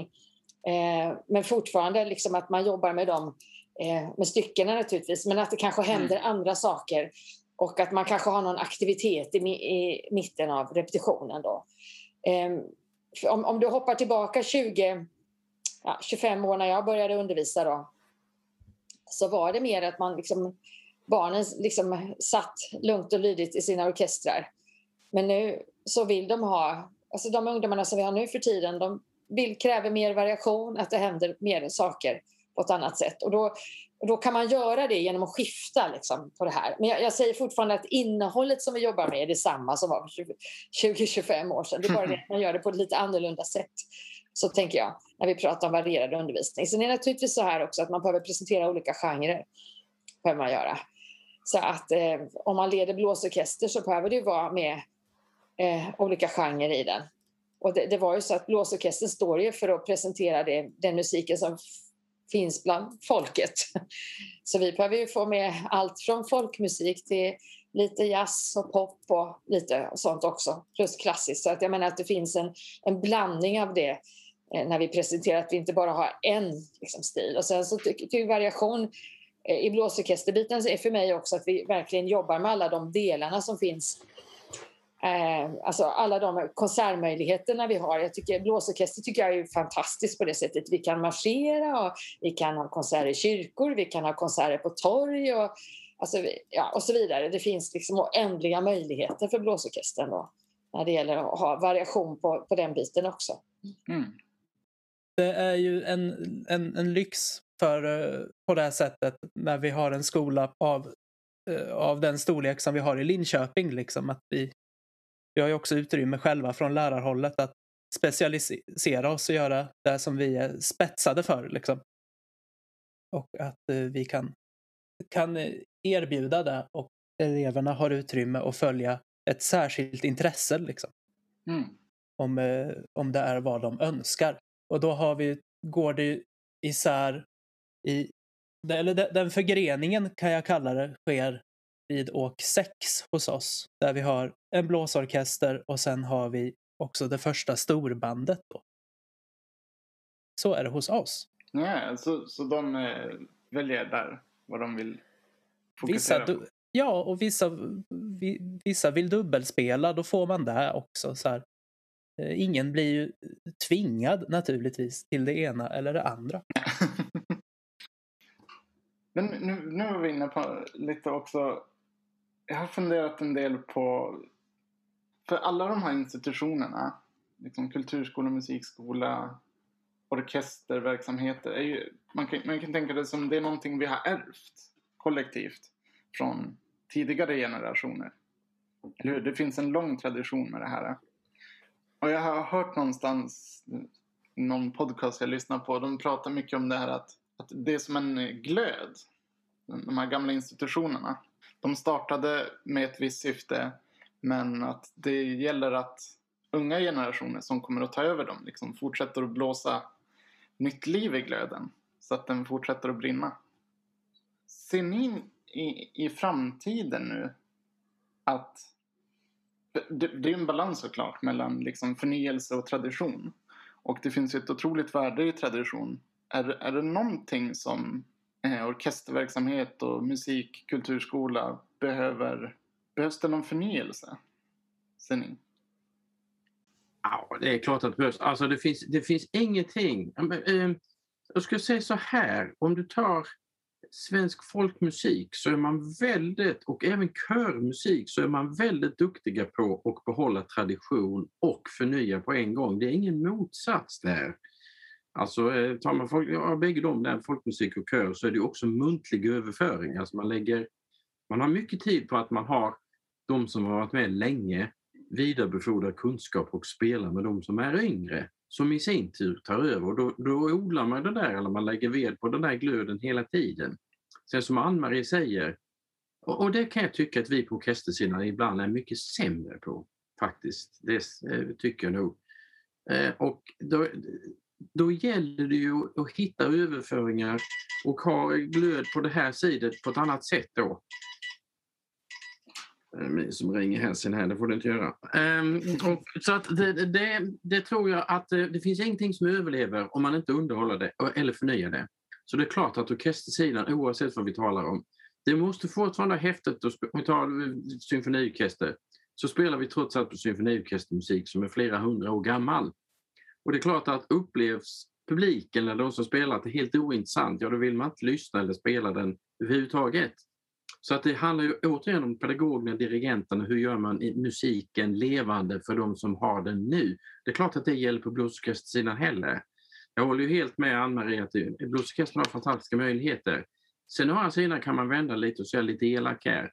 Att hör jag då att man spelar olika genrer, det vill säga att jag ser på notbladen att det är olika genrer, jag ser i programmet att det är olika genrer, men det låter lika dåligt alltihop.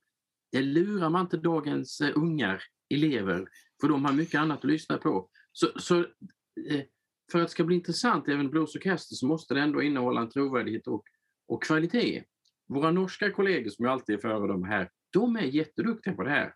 De gör det med kvalitet. Och då bibehåller man och utvecklar traditionen utan att det är en motsats. Det, och det tror jag vi behöver hitta nycklar. Alltså inte alla ställen, det finns ju jättemånga pedagoger som gör ett jättebra jobb. Men generellt tror jag nog att vi behöver få ner på, precis som säger Björn, alla traditioner behöver förvaltas. Det innebär inte att man kan göra exakt likadant, men det innebär att man tar hänsyn till dem och förnyar dem i sin tid. Det tror jag är viktigt, för då finns glöden. Eh, Susanne? Nej, men jag har ju funderat väldigt mycket på det här med kulturskolan eller musikskolan, eller musikdelen av kulturskolan kan man säga. Eh, hur, hur det har sett ut och hur det är nu och vad man skulle kunna göra för att förändra. Eh, som jag varit inne lite på att vi har, vi har väl kanske arbetat lite grann utifrån hur det har varit och hur vi skulle vilja att det är. Och vi har ju upptäckt att det, eh, vi kämpar ju på i motvind och så. Eh, och det är inte så att vi till exempel på mitt arbete inte haft några ensemble och så, utan vi har ju det, men de är inte alltid så jättestora. Eh, och det är lite kanske udda sättningar och det är svårt att hitta material ibland och, och sådär. Men eh, det kanske, man kanske måste tänka helt nytt.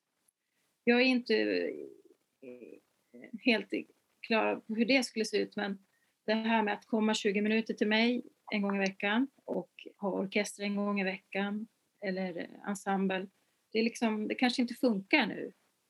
Det, det kanske är antingen för lite, kanske ska man öka kraven, att du går och spelar eh, ett instrument och så har du en individuell lektion eller grupplektion och sen har du kanske två ensemblepass i veckan som mm. man ska gå på. Så att det blir tre gånger i veckan som på fotboll eller simning. Det är, inga, det är inga problem för flera av mina elever att gå tre, fyra gånger på ett sport. Men mm. så krockar det med orkesterrepetition och då väljer man alltid simningen. Och, och var, varför är det så? Och det vet vi att det, att det är så. Men, men att komma dit hän att överge, för att det är alltid det här moment 22. Att spela ett instrument är ju ett hantverk, det är ju ingenting som tar två minuter. Utan vi tänker ju, så föreställer jag mig att man tänker att en elev ska gå hela vägen tio år framåt. Det är ju liksom min förhoppning att när de börjar att spela. Sen vet man ju att det kanske inte är så, men man måste ju ändå ha den inställningen, tycker jag, att de ska stanna hos mig jättelänge.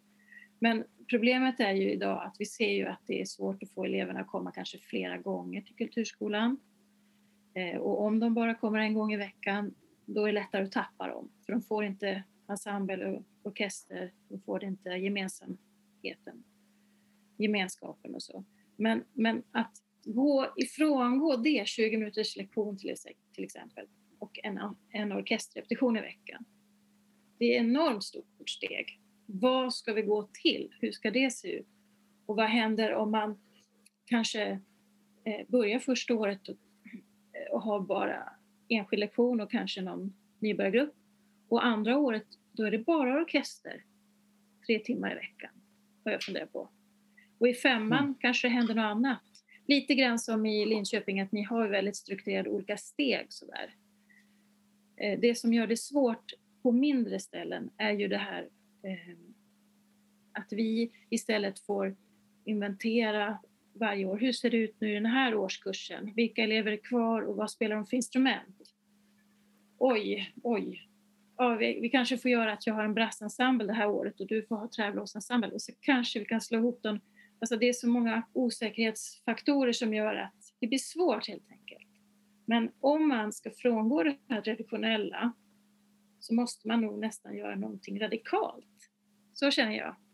Och jag tror inte att många är att man inte är främmande för det utan jag tror att många vill göra någonting nu. För att man, upp, att man kanske upplever att det går lite så här nerför på blåssidan. Och den vill man ju vända men det känns ju oerhört tungt. Och då kan man ju få den här, i alla fall så tänker jag, vi måste göra någonting radikalt. Men vad? För det trots allt handlar om att man måste träffa eleven och, och visa det här är ett C, det här är ett C. Det måste få ta tid. Och tid i det här sammanhanget är ju pengar och elevantal och eh, budget. Tänk om vi hade haft mer tid för varje elev. Vad fantastiskt det skulle vara. Vad skulle Eh. kunna hända om man inte hade de här 20 minuterna? Ann-Marie, Ja, Jag tänker så här att ehm, när man... Jag tänker, alltså, som Susanne sa det här med tio år.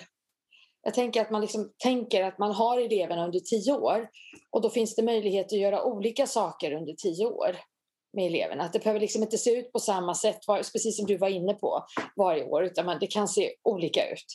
Alltså man kan ha gruppundervisning, man kan ha enskild undervisning, man kan ha orkesterensemble eller kanske bara orkester något år eller så. Jag tänker mycket väl att det skulle kunna vara så, alltså som du jag håller- är helt enig med dig. Alltså. Men, men det, som, eh, det som jag har väldigt svårt för är de här 20 minuterna. Jag tänker så här, varför sätter man inte ihop två elever på 40 minuter istället? Varför sätter man inte ihop fyra elever, de kommer två gånger i veckan och får spela liksom 80 minuter, 40 plus 40 liksom. Och sen så funderade jag jättemycket på det här i många år och pratade och pratade om det och så blev jag jättetrött på mig själv och så sa jag om du säger något mer om det här nu så ska, så ska du göra någonting först. Alltså, jag kan inte bara snacka om det utan jag måste prova. Så då provade jag och, eh, med en liten grupp först att de skulle komma två gånger i veckan. En gång och ha lektion och en gång och spela hornkvartett för mig. Och så var det lite protester hos föräldrarna då. Liksom. Ja, två gånger i veckan och så plus orkester och så här. Ja, och sen då så sa jag, men, men barnen vill, för jag hade frågat dem först. Okej då, så kommer vi. Sen så gick det jättebra för den här kvartetten för de råkade vinna en hornkvartetttävling på sin nivå så då blev föräldrarna så jättestolta och sen var det inga problem mer att komma två gånger i veckan. Men sen så spelade jag ut det på alla eleverna nu och nu kommer alla elever två gånger i veckan sedan ett par år tillbaka. Och det är sån skillnad alltså. Det är sån otrolig skillnad. Liksom. Även om de då spelar ensemble en gång i veckan och har typ av grupplektion den andra i olika konstellationer eller enskild också. För det är lite blandat då. För det känns som man Alltså, när man har dem en gång i veckan så börjar man om hela tiden. Men när man har dem två gånger i veckan så fortsätter man där man slutade på ett annat sätt upplever jag det som. Så det här skulle jag liksom vilja utveckla ännu mer. Ehm, och sen upplever jag också att de här eleverna Ja, då börjar de med orkester och sen har de, liksom, då har de blivit kompisar med hornkvartetten eller andra. Och, eh, liksom, och då, liksom, ja, då följer de med till nästa orkester. Så om jag sätter fyra i den äldsta orkestern och fyra i den andra orkestern så plötsligt är det åtta hornister i båda orkestrarna. För att de har det, liksom, det är ett hängställe, det är liksom rent socialt att de går. Att de vill, liksom, vill träffas oftare. Att de, ja. Så jag tänker allt sånt här eh, genererar mer. Men, men det är liksom ett motstånd i början. Men sen när man kommer över, de äldre eleverna kan ju ta sig själv. Så där är det mindre problem. Det är med de yngre som ska ha skjuts då. Tänker jag. Och sen har jag också haft, jag har haft fredagskvällar med hornkvartett. Att de har liksom börjat, de äldsta hornkvartetterna vid fem, halv sex där någonstans. Liksom, så har jag haft några på raken. Och då har de kanske varit i olika rum och kört samtidigt och jag har gått mellan rummen också. Att de har fått sköta sig till viss del själv och sen så har jag liksom bara varit inne och instruerat. Och det har också blivit sånt där hängställe, ja, liksom att de kommer dit och så hänger de och så kanske de går ut tillsammans efteråt. Så att jag, eh, ja, jag tror att det går och ändra Susanne och jag tror att man kan tänka helt annorlunda. Man inte behöver tänka på samma sätt. Alltså. Och sen så tänker jag att en mindre kulturskola som du har behöver tänka på ett annat sätt för att du är ensam lärare så att du måste liksom hushålla med dina egna resurser också. Så man orkar. Alltså, du kan ju inte leda hur många orkestrar och sånt som helst. Alltså. Men sen ska jag också säga att det där som du sa att ibland så har vi blåsarna för sig, brasset för sig och träblåset för sig. Så händer det hos oss också. Något år kunde vi inte ha någon symfoniorkester för det fungerade inte för det var för litet så att vi fick ha stråket för sig och blåset för sig och bara satt ihop till några produktioner. Så, det förekommer hos oss också att det där händer. Att det liksom, eller att det, en blåsorkester var för liten så vi fick sätta ihop två blåsorkestrar för att det överhuvudtaget skulle fungera tills det börjar rulla igen. Så, så sådana där lösningar tror jag man hela tiden får göra liksom på, eh, ja, beroende på hur det ser ut på elevfronten. Då. Kan det finnas möjlighet att en person leder en orkester som inte spelar brassinstrument? Kanske som jag som pianolärare då? Absolut. Jag, jag har gått lite i eh, dirigering och sådär. Och, och om de har en lektion där de kan liksom få hjälp med hur man tar greppen och allt det där. Det skulle man ju kunna liksom, man skulle kunna fördela det liksom, ansvaret att leda grupper tänker jag. Absolut. Jag tänker ni skulle kunna jobba ihop också. Så att du kanske leder orkestern och Susanne finns behjälplig men hon inte har det stora ansvaret för just den orkestern kanske. Eh, Magnus? Ja, det, jag, jag var precis inne på just samma linje där. Eh, nämligen det att eh,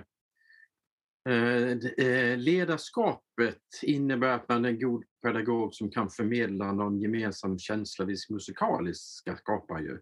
Och eh, en egen erfarenhet, eh, inte just kanske i blåsorkestern, jo lite blåsorkestern också faktiskt, fast på lite högre nivå, det är faktiskt att stråkar, stråkmusiker har varit väldigt goda musikledare, och dirigenter och pedagoger.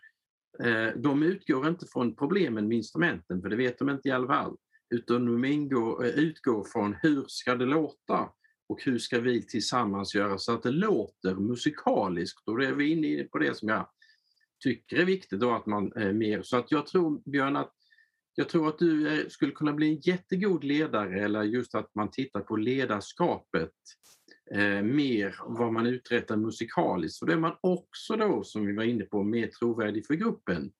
Ungdomarna, de är inte lättlurade, de ska inte vara lättlurade. Vuxna människor ska inte vara lättlurade heller. Så för mig är det inte bara alltid att slå rätt, utan det är att man gör en kommunikativ så man får orkestern oavsett orkesterform och förstår vad vi gemensamt ska pyssla med. Det, det tycker jag är jätteviktigt. Däremot, brasklapp, den som leder orkestern måste ändå vara intresserad och lyssna och läsa på den typen av musik som man står fram och dirigerar. För det tycker jag är eh, också en kvalitetssak. Man måste ändå veta vad man vill ha för musikalisk känsla och någon slags föredöme. Annars är det ju jättebra om man delar upp. Gott ledarskap är goda ledare och kommunikatörer.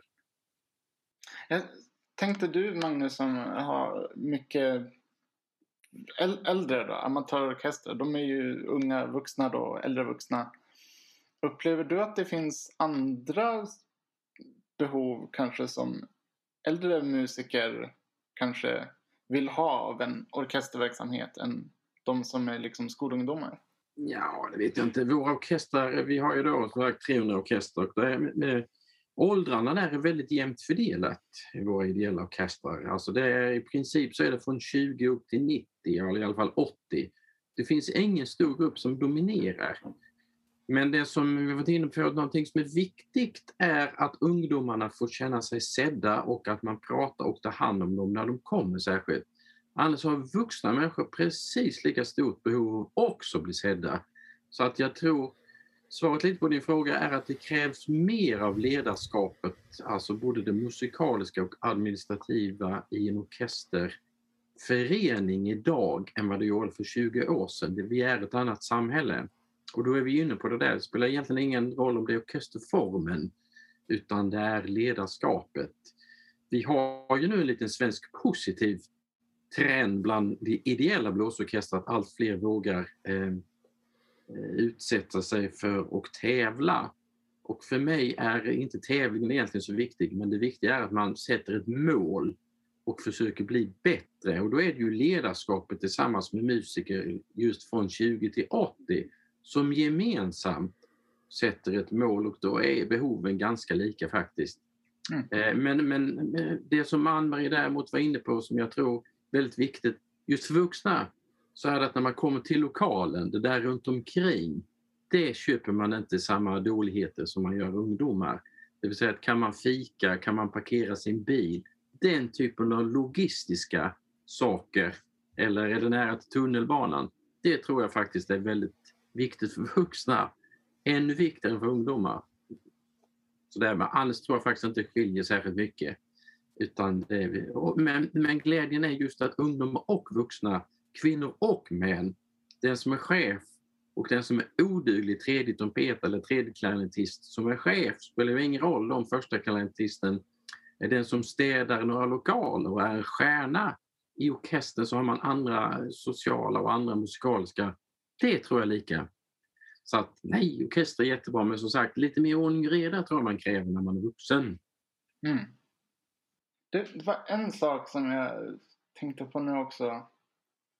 För, för jag vet eh, eh, när, när, min pappa gick i gymnasiet så var det jättemånga som spelade brassinstrument på som de här musikprogrammen. Mm. Han sa att de hade liksom ja, symfoniorkester på gymnasiet där. upplever ni att, att kulturskolan kanske har blivit lite ensam på att hålla igång den här orkesterverksamheten för unga? Jag vet du Susanne berättade liksom ni hade stor konsert där på gymnasiet. Eh, du menar det i Uppsala som jag pratade om? Ja. Eh, eh, nej men det var ju Kulturskolan, eller Musikskolan som det hette då i Uppsala. Att där var ju, det var liksom det stora flaggskeppet på den tiden som blåste, att man ville gärna vara med där. Eh, helt enkelt. Så det var ju ett mål som man såg fram emot. Och sen även när man började där och var 13, 14 och hörde då trumpeterna som var 18, 19 som spelade, då såg man för man kom ju in och spelade tredje trumpet och sen så eh, gick man hela vägen och så slutade man och var man första trumpetare. Så det var ju viktigt då. Jag kommer inte ihåg din fråga. Nej, jag tänker, blir kulturskolan väldigt ensam kanske med det här? Eh, jag tänkte att vi pratade om förr, förr i tiden att, att det kanske var mer att andra delar av samhället också höll i de här orkesterverksamheterna. För, för liksom skolungdomar. Ja, alltså jag tänker så här, jag läste statistik på det där överlag hur det såg ut på eh, åldersfördelningen på kulturskolan från 2019 tror jag det var. Och eh, då, då är det ju ganska självklart att de elever som eh, spelar mest är de mellan 9 och 12 år. Eh, och därefter var det 12 till 15.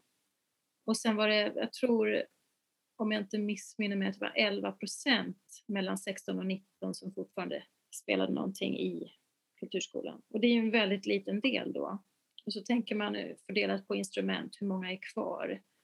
Så det, det är klart att, att kulturskolan har ju en viktig del att, att försöka få någon fungerande verksamhet för gymnasieungdomarna. Det är kanske är något som går att vända. Eh, jag tänkte lite också Magnus, jag läste på er hemsida och det står att ni hade ett visst, ni arbetade politiskt också. Oh, ja, vi arbetar hårt för eh, orkesterfrågan med utgångspunkt för och det, just nu har ju blåsorkestern varit lite fokus här, men då är det precis som du började Björn, där, det är ju mest elände då, men det är det ju inte alls. Alltså Göteborg Wind Orchestra då som Ann-Marie helt kort, de är uppsagda för att kommunen tycker en orkester är en orkester är en orkester. De har ju redan en orkester, nämligen Göteborgs Symfonikerna. Och då tycker de det är ju en orkester, det är en orkester. Man gör inte skillnad därför att man kan inte mera. Mm. Ändå, så att det finns ju alla möjliga saker. Så vi arbetar ju för just det som är vår utgångspunkt är just att orkester är bra för alla åldrar. Och det här flödet. Jag vill att alla ska spela orkesterinstrument i någon orkesterform. Även om du spelar piano finns det faktiskt pianoorkestrar. Det har vi hemma i Västerås. spelar du mandolin så spelar du orkester och spelar du fiol så det finns alla möjligheter. För den sätt just det här sociala jätteviktigt. Men, men vår ambition är ju just att man ska fortsätta till ideella orkestrar och några fortsätter att studera och några kan till och med bli professionella. De professionella måste vara tydliga föredömen och då räcker det faktiskt inte bara med att spela utan också träffa tala med ungdomar. Och då har man ju det här hjulet som man har på idrottssidan och som man har i Norge och som man har i Tyskland och lite andra länder. Och vi har väldigt svårt för att få ihop det. Du är själv inne på det Björn. Och Susanne tycker en eh, eh, tydlig också här att man vet vi vad man har för ett kulturliv i sin kommun. Vilka talar om vårt gemensamma kulturliv? Har man en plan för det gemensamma kulturlivet? Och då återstår, eller säger som jag sa till att börja med, varför har vi då utbildade pedagoger som är skickliga om det inte finns en tanke om att dessa utbildade människor ska fortsätta sen? Det är för mig obegripligt. I, hela mm. idrottsrörelsen har ju en bredd för att kunna få en spets, men man använder också spetsen för att få en bredd. Och det ser man även inom eh, popsidan då där och de som är stora kometer där att det svenska pop och rockundret skulle ju aldrig skett om inte man hade haft en stor bredd och använt spetsen för att få en bredd, så det hänger ju ihop. Men hos oss är det så att orkesterlivet ser inte ut som en pyramid utan det är, det är totalt svältfött. Det finns en liten spets och sen är det ingenting. Och sen är det något litet i botten, alltså nu överdriver jag lite, men det är tyvärr allt för sant. Det är ingen som protesterar mot heller. Så såg det inte ut för 30 år sedan. Vi kan inte backa historien, så jag håller helt med om att vi måste hitta andra lösningar idag. Men överhuvudtaget eh, tanke. Jag älskar ju kulturskolor, jag älskar alla möjliga saker. Men jag har svårt för att förstå att det inte finns ett självklara samarbetsformer mellan kommunens kulturliv och sin kulturskola. Och i de kommuner man har det, då har man också lättare för övergångar och man har ett brett folkligt stöd när det blir det minsta tal om nedskärning. Så protesterar i princip alla. Det gör man inte på de orter där man inte har något, när man sitter i ett varsitt hörn. Varför gör vi det? Vi pysslar med kultur allihop. Så att det tror jag faktiskt är nyckeln och det kämpar vi hårt för Sveriges Orkesterförbund. Och sen är det ju så här att utbildningar är viktigt. På idrottssidan så är det så att du får inte ha en grupp över en viss ålder om du inte har en pedagogisk utbildning. Den får du gratis genom Riksidrottsförbundet och ditt specialförbund. Det är ju en käpphäst som jag har haft länge. Så borde det vara även på kultursidan. Och ni som är professionella pedagoger är ju utbildade då, men alla de som är ideella som har hand om grupper som är nödvändiga borde också få liknande, alltså det vill säga att man höjer utbildning på alla stadier vilket gör att det blir intressanta verksamheter. Så att sånt pysslar vi med. Vi har haft jättemycket dirigentutbildning här nu. Jag tror vi har haft 45 elever på ett par år under pandemin. Då plötsligt folk har tid. Och då talar vi just om från nybörjare till de som leder väldigt bra orkestrar. Som jag var inne på psykologiskt, så att vi har mycket att pyssla med men helheten är det som, som vi jobbar stenhårt med och det ska ni veta att det är inte alltid enkelt, tvärtom. Utan det finns det de som inte tycker det är viktigt. Man säger det på pappret men inte i verkligheten. För det krävs två till att dansa. Det är mycket roligare i alla fall. Mm. Okej, vi, har hållit, vi har hållit på och pratat ett bra tag här nu.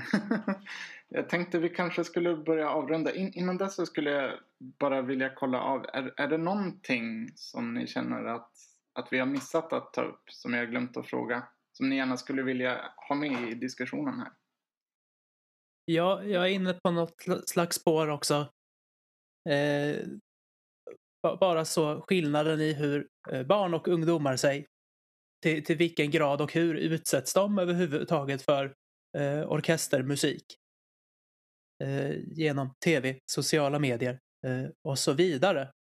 Det blir, för att det blir en sak bland många, en, en väldig konkurrens över skärmtiden på något vis. Och jag tycker man, man får förklara överhuvudtaget vad en orkester är för något till att börja med. Så det, det behöver vara, vara med i ens utgångspunkt. Liksom. Att, att eleverna startar från noll ofta? Tänker du? Ja. Med kunskap om hur det fungerar? Och liksom eh, träblåslek och eh, brassleken som vi har är ett, ett fiffigt sätt att förbikoppla där lite. Men vi har ju elever som börjar senare också. Vid 9-10 års ålder. Mm. Och nu, nu tänker jag på saker som man nödvändigtvis inte har direkt kontroll över utan det, det, är lite trist att Melodifestivalen inte har orkester längre. Och det, det, känns också som att när det väl är med band i tv eller en, eh, en liten orkester så syns det inte så mycket på kamera. Och då, då uppstår liksom inte tanken på det sättet att eh, det klingar en klocka och att man får idén att det är något man skulle kunna göra potentiellt karriär. Ja, jag minns till exempel, eh, så, så ska det låta till exempel. Vad heter han? Han är rumordförande, eller vad? Terry Göransson. Saxofonisten där. Nej, saxofonist. Han kanske var. Minns inte. Men jag har en tydlig bild av att ha sett en saxofonist på tv. Liksom. Och då blir det så här, shit, kan man jobba med det? Så här. Just exponering. Att, att ja. Det är väldigt lite exponering av musiker kanske. Jag tror det. Och den största exponeringen är i, liksom Idol till exempel. Står längst fram på scen. Ja, jo. där. Det var min eh, fundering. Ja, det är intressant där, verkligen. Och det, är, det är många genrer nu som är väldigt populära som är väldigt elektroniska också. jag har haft, haft elever på piano som vill spela rapmusik så här, och de har inte gjort kopplingen att det är en ton du ska spela. Då. Det, det kan inte låta bra på ett piano. Det, det finns ingenting att göra. så det, ja, det är en utmaning att försöka möta dem där och hitta vägar runt det. det roligaste sättet eh, som jag har kommit på där, då, nu är det ett sidospår, är att försöka skriva en ny låt. Och man gör en melodi av den här texten. mm. um, men alltså även annat. För nu är väl ändå en tid i historien då barn och unga har fler möjligheter att aktivera sig än någonsin kan jag tänka mig. Jag har haft elever som de har inte tränat så mycket och man har försökt ge upp en plan så här, att, att vi, vi kanske ska bestämma en tid. Liksom 20 minuter efter maten på fredag. Så här. Men då börjar de gå igenom sitt schema och de har liksom direkt efter pianot ska de på dans. Sen så på tisdagar så har de tennis och på onsdagar så målar de och på torsdagar så är det något annat och sådär. Mm. De har liksom fler aktiviteter än dagar i veckan. Och försöker hinna med skolan och jag hoppas träffa någon vän ibland. Ja. Eller kan, kan sitta och bara fundera på att livet är konstigt liksom. Ja, och sen eh, talar de om att de är stressade. Ja. Så här, och när, när jag var i den åldern så visste jag inte vad det, jag visste inte vad det betydde. Så här. så här, innebörden av stress liksom. Så det, ja.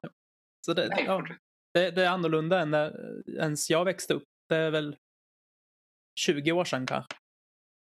Jag tänkte lite som du var inne på Susanne, att det är svårt att ställa krav. I ett sånt läge vet jag inte riktigt hur jag ska hantera det. För jag, jag känner där att man inte gärna vill bidra med den stressen då, som, som de ibland har faktiskt.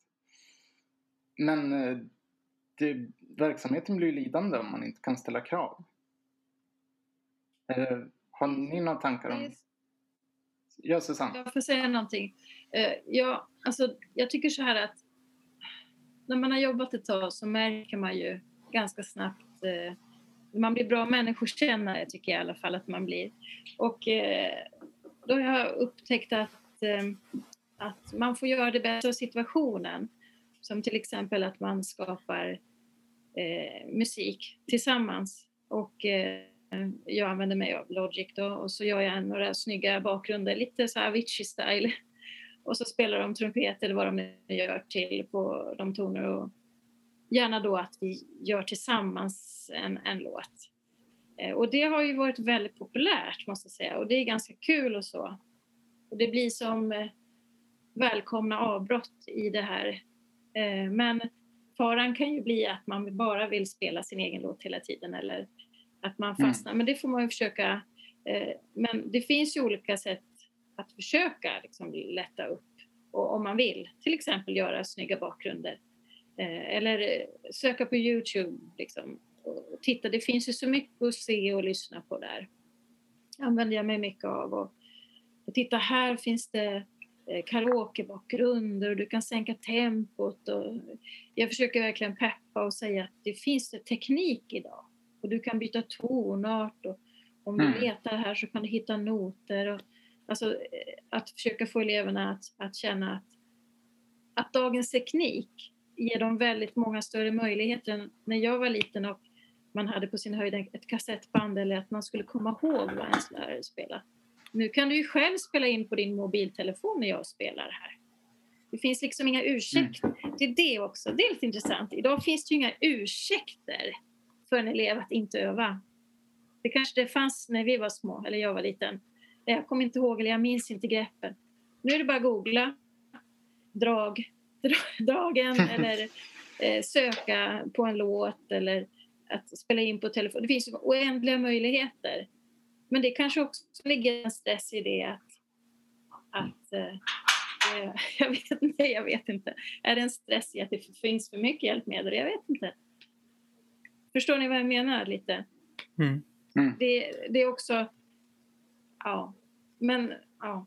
Så det finns ju olika vägar och men just det där med krav.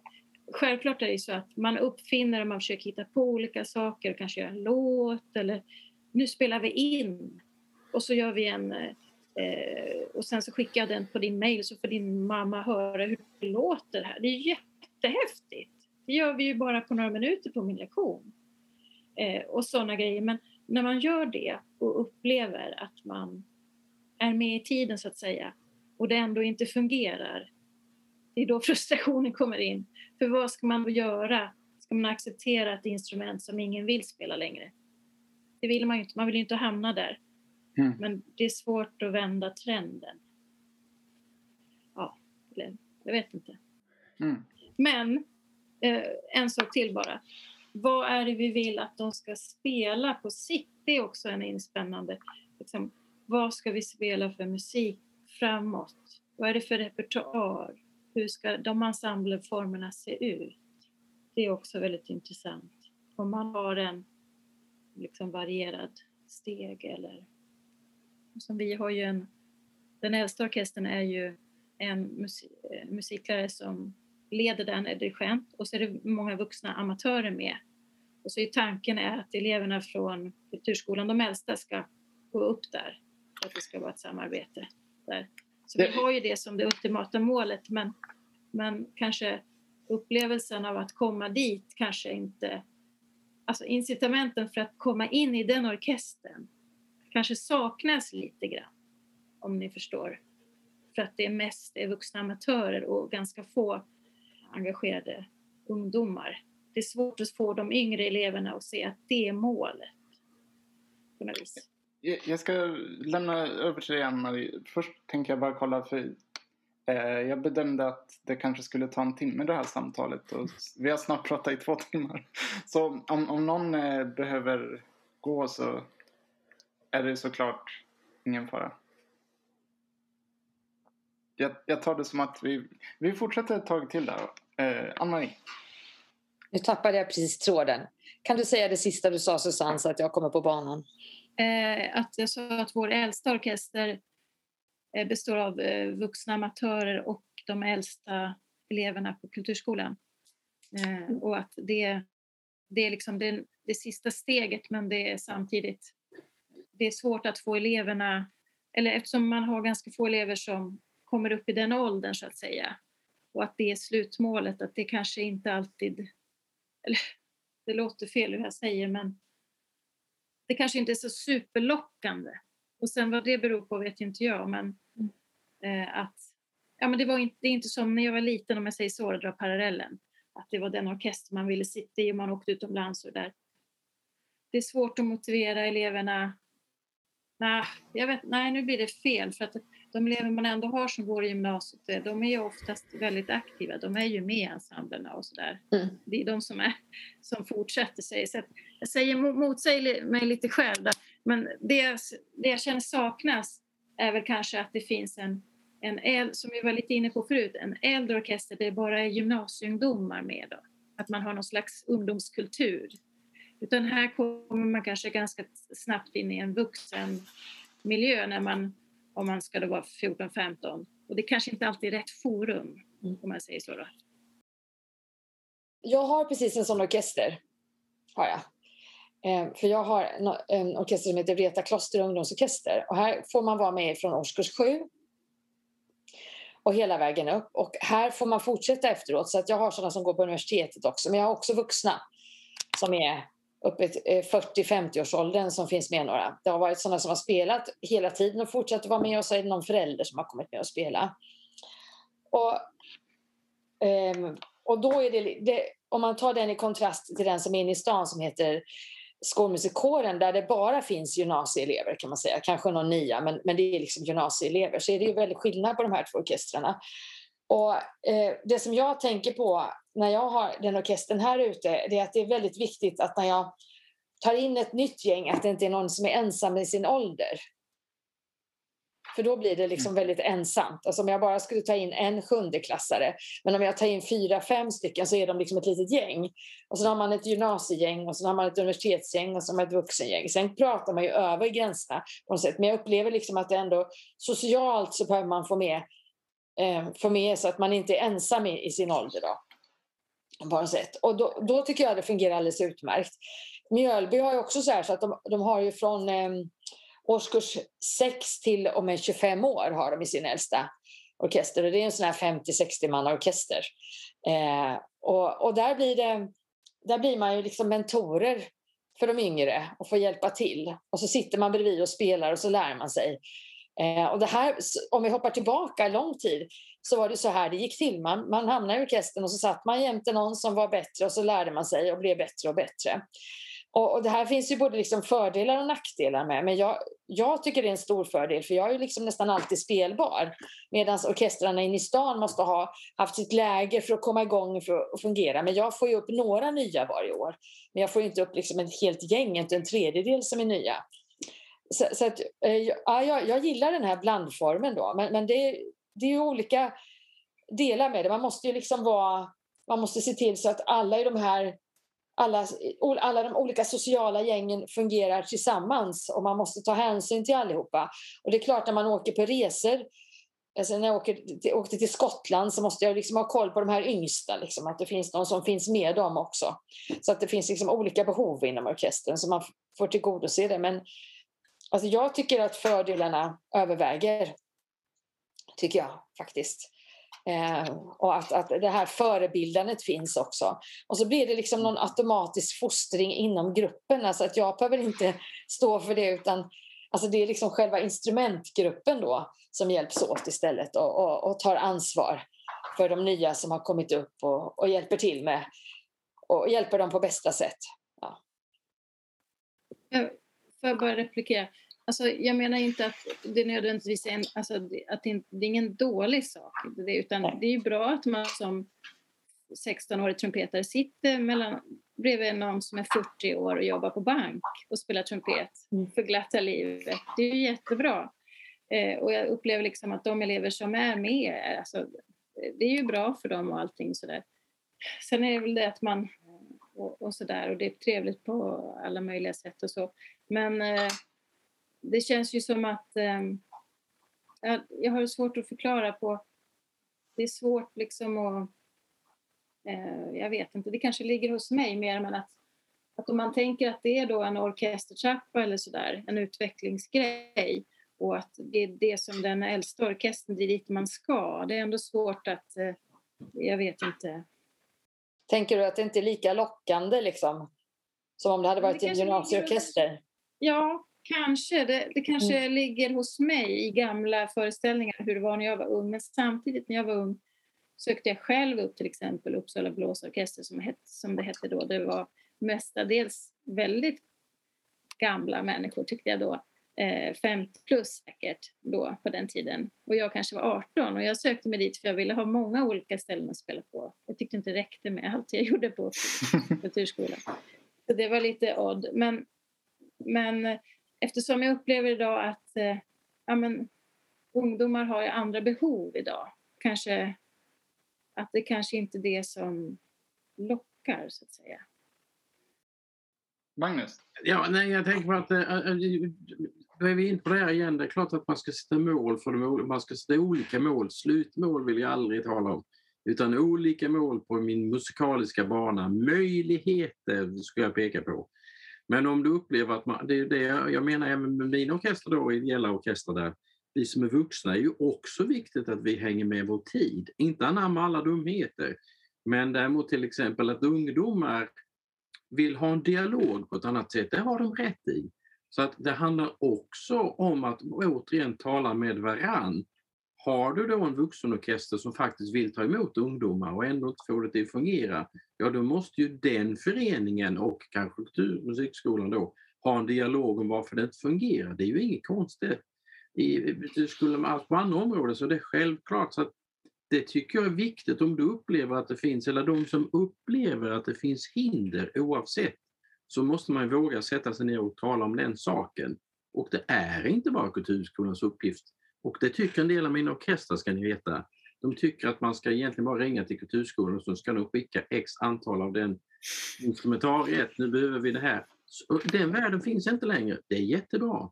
Utan jag menar verkligen det att de här äh, överbryggningarna går åt bägge håll. Men delmål måste man våga sätta och äh, de de verksamheter som även på kulturskolesidan har, har inga eller mycket mindre problem med att rekrytera, de vågar nog sätta lite mål också faktiskt. Och där är det coolt att komma till orkestern. Eh, jag inser alla svårigheter, det, svår, det finns alla möjliga svårigheter, men, men just det att ändå tala med varann om de som upplevs som bekymmer, det måste man ändå våga göra.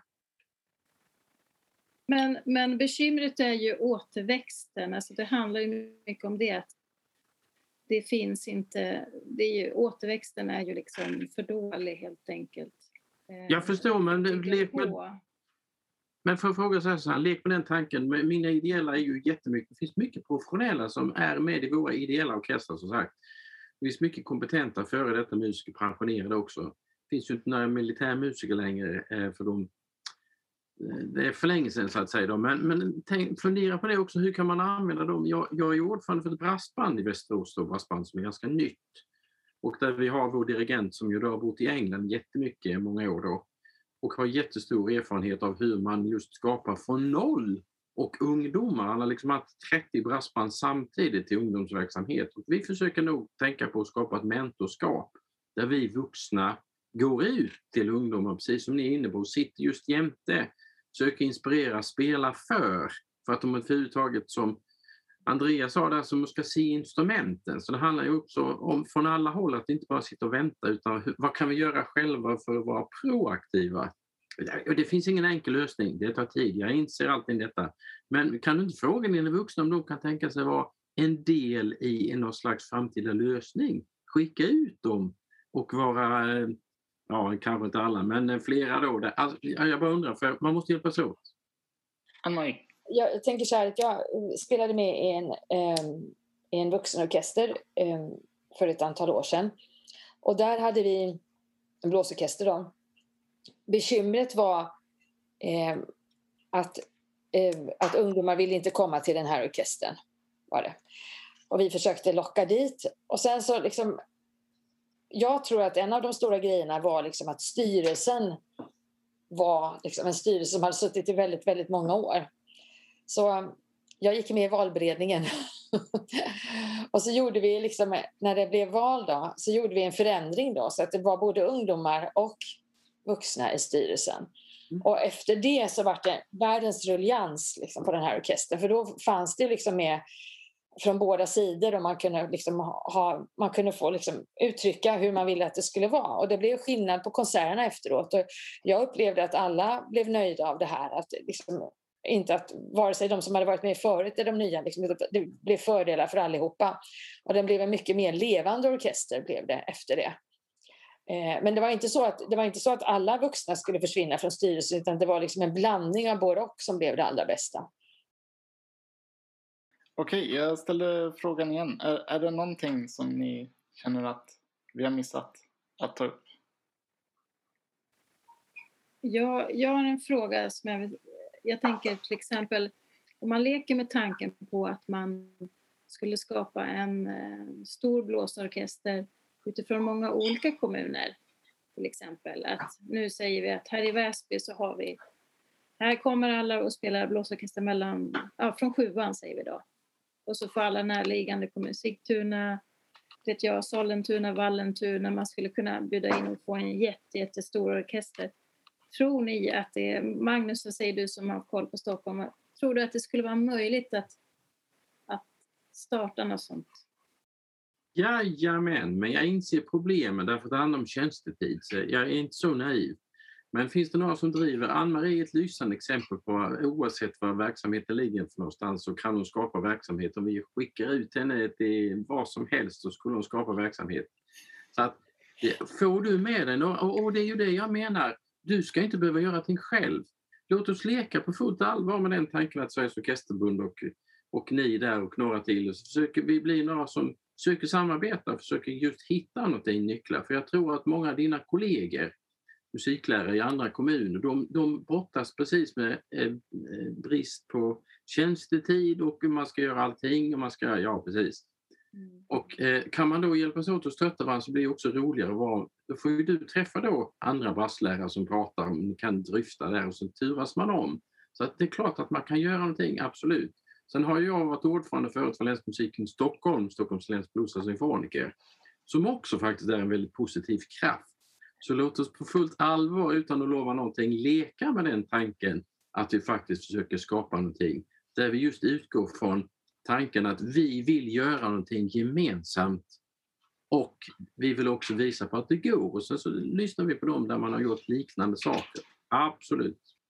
Jag tror på det. Ja. Jag tror det skulle vara jättekul för elever att träffas över gränserna. Det, tror jag liksom, det är jättehäftigt. Alltså, mina tycker jag åker varje år på en hornresa med mina hornelever. De tycker det är jättekul. Alltså, mm. När man får träffa liksom, olika hornister från olika delar av landet. Mm. Så att jag, jag, jag tror absolut på det. Men jag undrar, eh, ska man egentligen utgå från att man inte, för det är ganska populärt att man arbetar i projekt. Till exempel att man övar på sina stämmor för sig och sen så sätter man ihop allt och så har man intensiv helg och så har man konsert. Men, men, men det känns, är det inte bättre att ha lite kontinuerligt eller? Vad säger du Ann-Marie? Jag säger absolut det. Eh, för eh, det, alltså, ungdomarna är precis på samma sätt som oss. De vill ju träffa samma polare varje vecka. De vill ju inte vara med i ett tillfälligt projekt och sen så byts det ut människor, sen är det nytt och tröttnar de efter ett tag. Då kan man också märka att de kulturskolor som har lagt ner orkestrar och bara liksom sysslar med projekt, där stannar inte eleverna kvar så länge. Så jag tror de behöver sin vanliga lunk. Liksom. Man behöver träffa sina polare varje vecka, man vill sitta med dem. Jag, menar, jag spelar i symfoniorkestern här i stan. Jag vill sitta med mina hornkollegor liksom, och prata med dem. Liksom. Det, jag går ju dit socialt. Alltså, jag går dit för att spela med och går också dit väldigt mycket socialt för att jag tycker det är trevligt att umgås med dem och ja, ha dem omkring mig eh, en stund. Liksom. Och då, så, så jag tror att man ska jag tror att man ska ha kontinuitet i det och sen, sen, kan man hitta på projekt, liksom häftiga projekt utanför det, men jag tror att det ska ha sin lunk. Liksom. Det är det jag tror man vinner på i längden. Jag, jag, tror, jag tror egentligen på den här tanken själv. Men, men eh, eh, sen är det ju allt det andra då, som Magnus sa, med logistik, mm. resor, tid, tjänster. Eh, hur ska det gå till? Hur ska folk ta sig? Och det är ju värsta Eh, grejen förstås att få till. Men, men själva idén, när jag, ju mer jag tänker på det, det måste ju vara ganska så kul för eleverna att komma till en riktig maffi istället för här är vi 12 elever idag eller 15 och så vi har eh, en klarinett och eh, sex Alltså det blir ju en annan känsla. Vad tänkte du Magnus? Nej, jag tänker på det. det jag tycker att alltså, nu har vi nästan lovat det här. Vi kommer inte undan nu så det är klart vi ska göra ett projekt. Och sen hur man startar det. Det är klart man måste börja sig några och sätta sig ner. Men det, man kan tänka sig, jag vet att en del andra gör så, att man lunkar på. Men en gång i månaden träffas man i den där stora orkestern så det logistiskt blir möjligt. Och man gör det också ett mervärde och tillhör den där kulturskolorna då, de här små där man plötsligt får träffas ibland i stor grupp. Jag håller ju helt med Ann-Marie att man kontinuerligt är jättebra hela tiden men sen är logistiska problem att det tar tid att resa även inom Stockholmsregionen kommer man inte ifrån. Men man, låt oss fundera på hur man börjar för den här känslan av när man spelar en stor orkester och det är tillbaka som jag sa för två timmar sedan. Men fördelen är också att man kommer undan. Det vill säga att de som är bra och de som är mindre bra eller mindre intresserade just då ändå upplever tjusningen av att vi tillsammans skapar någonting väldigt häftigt. Och det brukar dessutom föräldrarna tycka är rätt coolt när man kommer. Tänk om vi fick en, eh, ihop en 70-manna kvinnlig orkester och som då kunde redan under höstterminen spela någonting för alla föräldrar. Och så gör man två konserter så får man plötsligt en turné. En ska vara i Upplands Väsby och en i Sollentuna till exempel. Då plötsligt har man en miniturné. Då skapar man det där mervärdet som till exempel idrotten är jätteduktiga på. Så att absolut, det är klart vi ska göra det här, det är ingen tvekan. Okej, okay, jag, jag, tror det här är ett bra tillfälle kanske att stanna nu när vi har den här positiva känslan också. Tack så hemskt mycket för att ni ville vara med och det har varit ett otroligt intressant samtal. Jag känner att jag har lärt mig jättemycket om alla möjliga aspekter och fått idéer och tankar. Eh, även på piano som också blir ett, kan lätt bli ett ensam instrument. Här är idéer nu på hur jag skulle kunna göra projekt. Um,